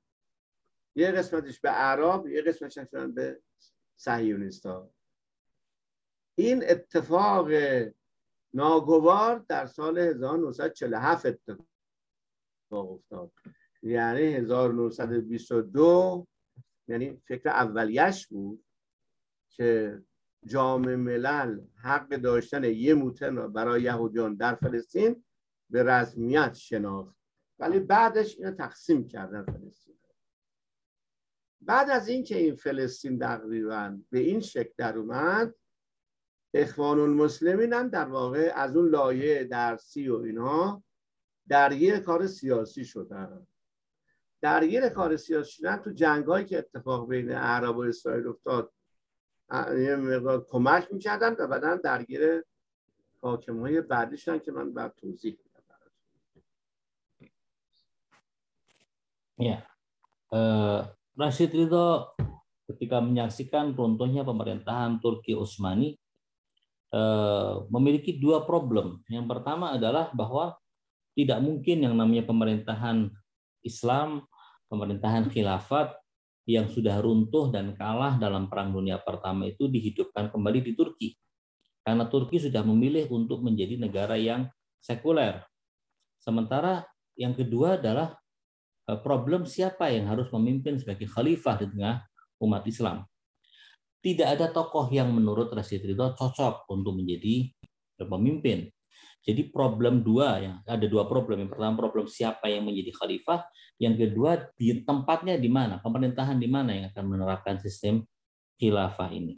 Dua-duanya adalah tidak bisa dicarikan jawabannya sehingga pemikiran itu kemudian memunculkan ide untuk membentuk sebuah perkumpulan, sebuah partai seperti partai yang kemudian diberi nama Ikhwanul Muslimin. Ikhwanul Muslimin di awal eh, kemunculannya berpikir untuk memberikan wawasan dan memperdalam wawasan ke tengah masyarakat. Di dalam Ikhwanul Muslimin berkumpullah para ulama dan non ulama di situ. Lalu kemudian setelah terjadinya kekalahan uh, Turki Utsmani di Perang Dunia Pertama, lalu kemudian terbentuknya Liga Bangsa-Bangsa, di dalam Liga Bangsa-Bangsa itu ada sebuah keputusan bahwasanya orang-orang Yahudi berhak untuk memiliki negara sendiri di wilayah Palestina. Apa yang diputuskan oleh Liga Bangsa-Bangsa tahun 1922 kemudian ditindaklanjuti oleh Persekutuan Bangsa-Bangsa atau PBB yang tahun yang setelah Perang Dunia Kedua terbentuk. Di PBB inilah diputuskan bahwasanya negeri Palestina dibagi dua, separuh diberikan kepada orang-orang Palestina dan yang separuh lagi diberikan kepada orang-orang Yahudi Zionis sehingga terbentuklah apa yang kita lihat sebagai Israel. Terjadilah setelah itu peperangan antara orang-orang Arab dengan Israel dan Ikhwanul Muslimin mengangkat senjata dan ikut berpartisipasi dalam eh, peperangan-peperangan tersebut. Adanya peristiwa-peristiwa semacam ini mengubah rel perjalanan, mengubah perjalanan uh, Ikhwanul Muslimin dari rel, rel pendidikan dan pengajaran kepada masalah politik dan masalah tantangan terhadap keadaan yang ada sehingga kemudian Ikhwanul Muslimin berhadapan dengan pemerintahan-pemerintahan yang tidak menghendaki keberadaan Ikhwanul Muslimin di tengah-tengah negaranya. بله پس توضیحمون تا اینجا بود که به هر حال در سال 1922 و بعد 1947 جامعه بین الملل و سازمان تا این زمانها کشوری به نام اسرائیل تو تاریخ جهان نبوده. چین ایجاد کردن؟ دشمنان اسلام انگلستان و بقیه قدرت های حاکم بر دنیا. بنابراین اینجا در واقع اسرائیل پادگان آمریکاست به اعتقاد من. چون من تاریخ مسلمان رو خوندم اینجا در واقع پادگان آمریکاست. و بنابراین از اون زمان به بعد تا حالا مشکل همچنان باقی است. و بنابراین اخوان المسلمین که توضیح خدمت شما دادم توی شرایط متفاوت و از یکسانی نداشته. ابتدا قرار بود کار فکری بکنه. و بعد در دوره های بعد من الان اینجا توی یادداشتام هست که مثلا در سال 1938 1939 اخوان المسلمین از کار آموزشی وارد کار سیاسی میشه. از یک طرف با جمعآوری پول و اسلحه به کمک فلسطینیان میشتابه و از دیگه به تدوین ایدولوژی و معتقد دستگاه فکریشون اینا چند تا اصل داره؟ یکی اینکه معتقد اسلام به ذات سیستم جامع و متکامله.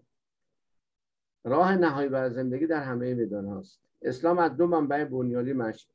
منشأ می‌گیره و بر پایان استوار که قرآن و احادیث و اسلام در همه زمان ها مکان قابل اجراست تو جنگایی که اتفاق افتاده جنگ اول عربستان 1948 بوده جنگ بعد که جمال عبد ناصر به قدرت می‌رسه بعدش. بعدش دوباره جنگ اسرائیل با عرب شروع میشه 1956 1967 سون جنگ عرب اسرائیل بعد عبدالناصر فوت. تو همه دوره 1973 جنگ اسرائیل با اعراب ترور انور سادات 1981 و به هر حال بعد از حسن مبارک مرسی به قدرت مرسی کنم حوادث دیدید که چقدر حوادث تلخ در سال 2012 به هر حال اخوان المسلمین البته درشون متفکرهایی بودند. بزرگی متفکرهای تاثیرگذاری که ما جوانای ایرانی و معتقد هم با اندیشه هاشون آشنا هستیم. مثلا خود من کتاب های قطب را خوندم در دوره جوانی. تو خونم هم تو کتاب خونم کتاب زیادی از قطب دارم تاثیرگذار بوده. یه کتابش که در دوره جوانی خوندم مال محمد قطب جاهلیت قرن بیستم بود که معتقده که قرن بیستم اصل جاهلیت است. خب خیلی هم ممکنه این عنوان قبول نکنن. حالا انشالله اگر فرصت شد هفته بعد بهش می‌پردازیم. چند جمله میگیم از این کتاب براتون چون دیگه الان شما خسته شده های بعدیتون شده میشه. فعلا بحث رو به هم تموم می‌کنیم. شما را به خدا میسپاریم. هفته بعد دیگه انشالله وارد بحث دیگه میشیم که زودتر بتونیم که به نتیجه کلاس برسیم اگر سوالی هست من هستم dari pembentukan Ikhwanul Muslimin itu kemudian Ikhwanul Muslimin terlibat dalam pergumulan uh, bersenjata melawan Israel, membantu orang-orang Palestina dengan cara mengumpulkan bantuan-bantuan, mengumpulkan senjata, lalu kemudian uh, dengan demikian terlibat juga dalam peperangan tahun 48 dengan Israel, tahun 56, kemudian tahun 67 dan seterusnya sampai kemudian dalam pada, masa Jamal Abdul Nasir maupun setelah terjadinya teror terhadap Anwar Sadat. Sampai eh, kita lihat bahwasanya kaum muslimin sudah keluar dari rel pengajaran seperti yang dulu sudah pada eh, sudah pada perlawanan dari sisi politik. Kita lihat salah satu tokohnya itu Mursi juga pernah eh, menjabat sebagai presiden dan kemudian digulingkan dan kita saksikan pula bahwa uh, banyak pemikir-pemikir besar dari kalangan Ikhwan Muslimin, di antaranya Syed Muhammad Kutub, ya, Syed Kutub, kita punya di Iran buku-buku Syed Kutub juga diterjemahkan. Saya juga dulu waktu masih muda, saya gandrung sekali dengan pemikiran-pemikiran Syed Kutub. Uh, dan pemikiran-pemikiran yang mencerahkan. Tokoh-tokoh dari Ikhwan Muslimin banyak. Insya Allah kita akan melanjutkan pembahasan uh, dengan tema yang lain pada pertemuan yang akan datang. Jika ada pertanyaan, silahkan. استاد سلام علیکم و رحمت الله برکاته سلام علیکم ببخشید سوالی دارم با توجه به تا به حال که جلسه داشتیم تا هشتم جلسه امروز ما فقط باز سناشی جریان فکری دانشمندان مسلمانان بود یعنی با اینکه ما شنیدیم از شما یعنی نقش دولتی اون عمده ترین مسائل در جامعه اسلامی در جهان اسلامی یعنی نقش دولت تا شنیدیم یعنی اشاره داشتید که اهمیت تئوری یا نظریه دولت و تمدن ولی ما تا به حال طرح این تئوری به طور کامل مثلا به اون یعنی اصول هایی داشته باشه یا فرمول هایی یا محتواهای این نظریه هنوز نشنیدیم یعنی طرح نشده. آیا شما می‌گذاری به ما می‌خوایم بررسی کنیم یعنی تنظیم کنیم؟ یا هست که در واقع کسی هست که یا دانشمند این را این نظریه را به طوری کامل طرح کرده در یک مثلا در یک مدول یا در, یک کتاب یا چی, چی میشه اونطوری هستم بپرسم خدمت عرض کنم که ببین نظر دولت تمدن نظریه من بود. قرار نبود من همه کلاس حرف خودم رو بزنم. اگر می‌خواستم بزنم حرف داشتم برای زدن.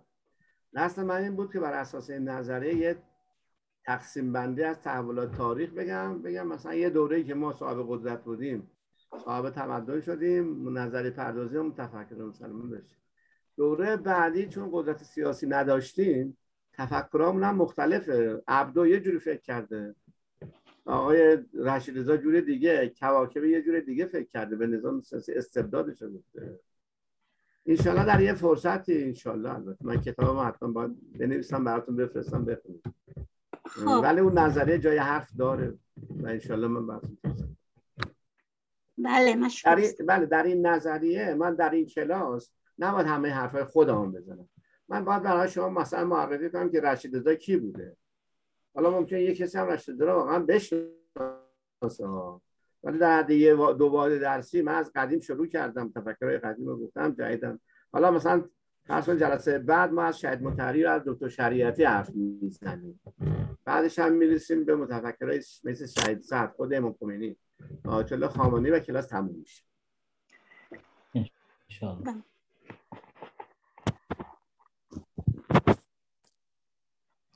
Zahiran Ustadz بعدی میان اومدن بله درس ب... استاد درس بعدی ظاهرا اه، خب ببخشید من تقصیر من نیست. ببخشید معذرت می‌خوام. حالا این قسمت رو بگید یا بذارید برای بعد. هر جور خودتون می‌دونید ان شاء برای بعد ان میگیم. باشه جلسه بعد. اشکال نداره. ان فقط یادداشت کنید که یادتون نره. چشمش. من شما رو به خدا میسپارم التماس دارم محتاج بده ان شاء الله همچنین استاد terima kasih مشکور سلام علیکم وعلیکم السلام ورحمة رحمت الله Waalaikumsalam Waalaikumsalam. warahmatullah. Syukuran, Ustaz. خدا حافظ Khoda hafiz. Kang Dani Ustaz, minta istirahat sebentar ya kelaparan ini mau makan dulu ya bentar bentar aja Monggo monggo Ustaz. خدا حافظ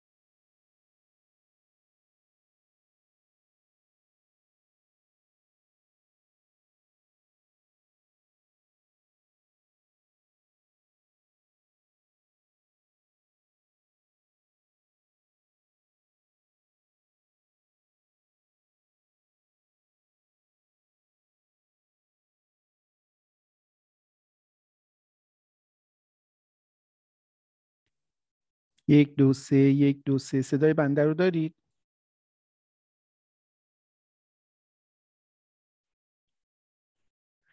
یک دو سه یک دو سه.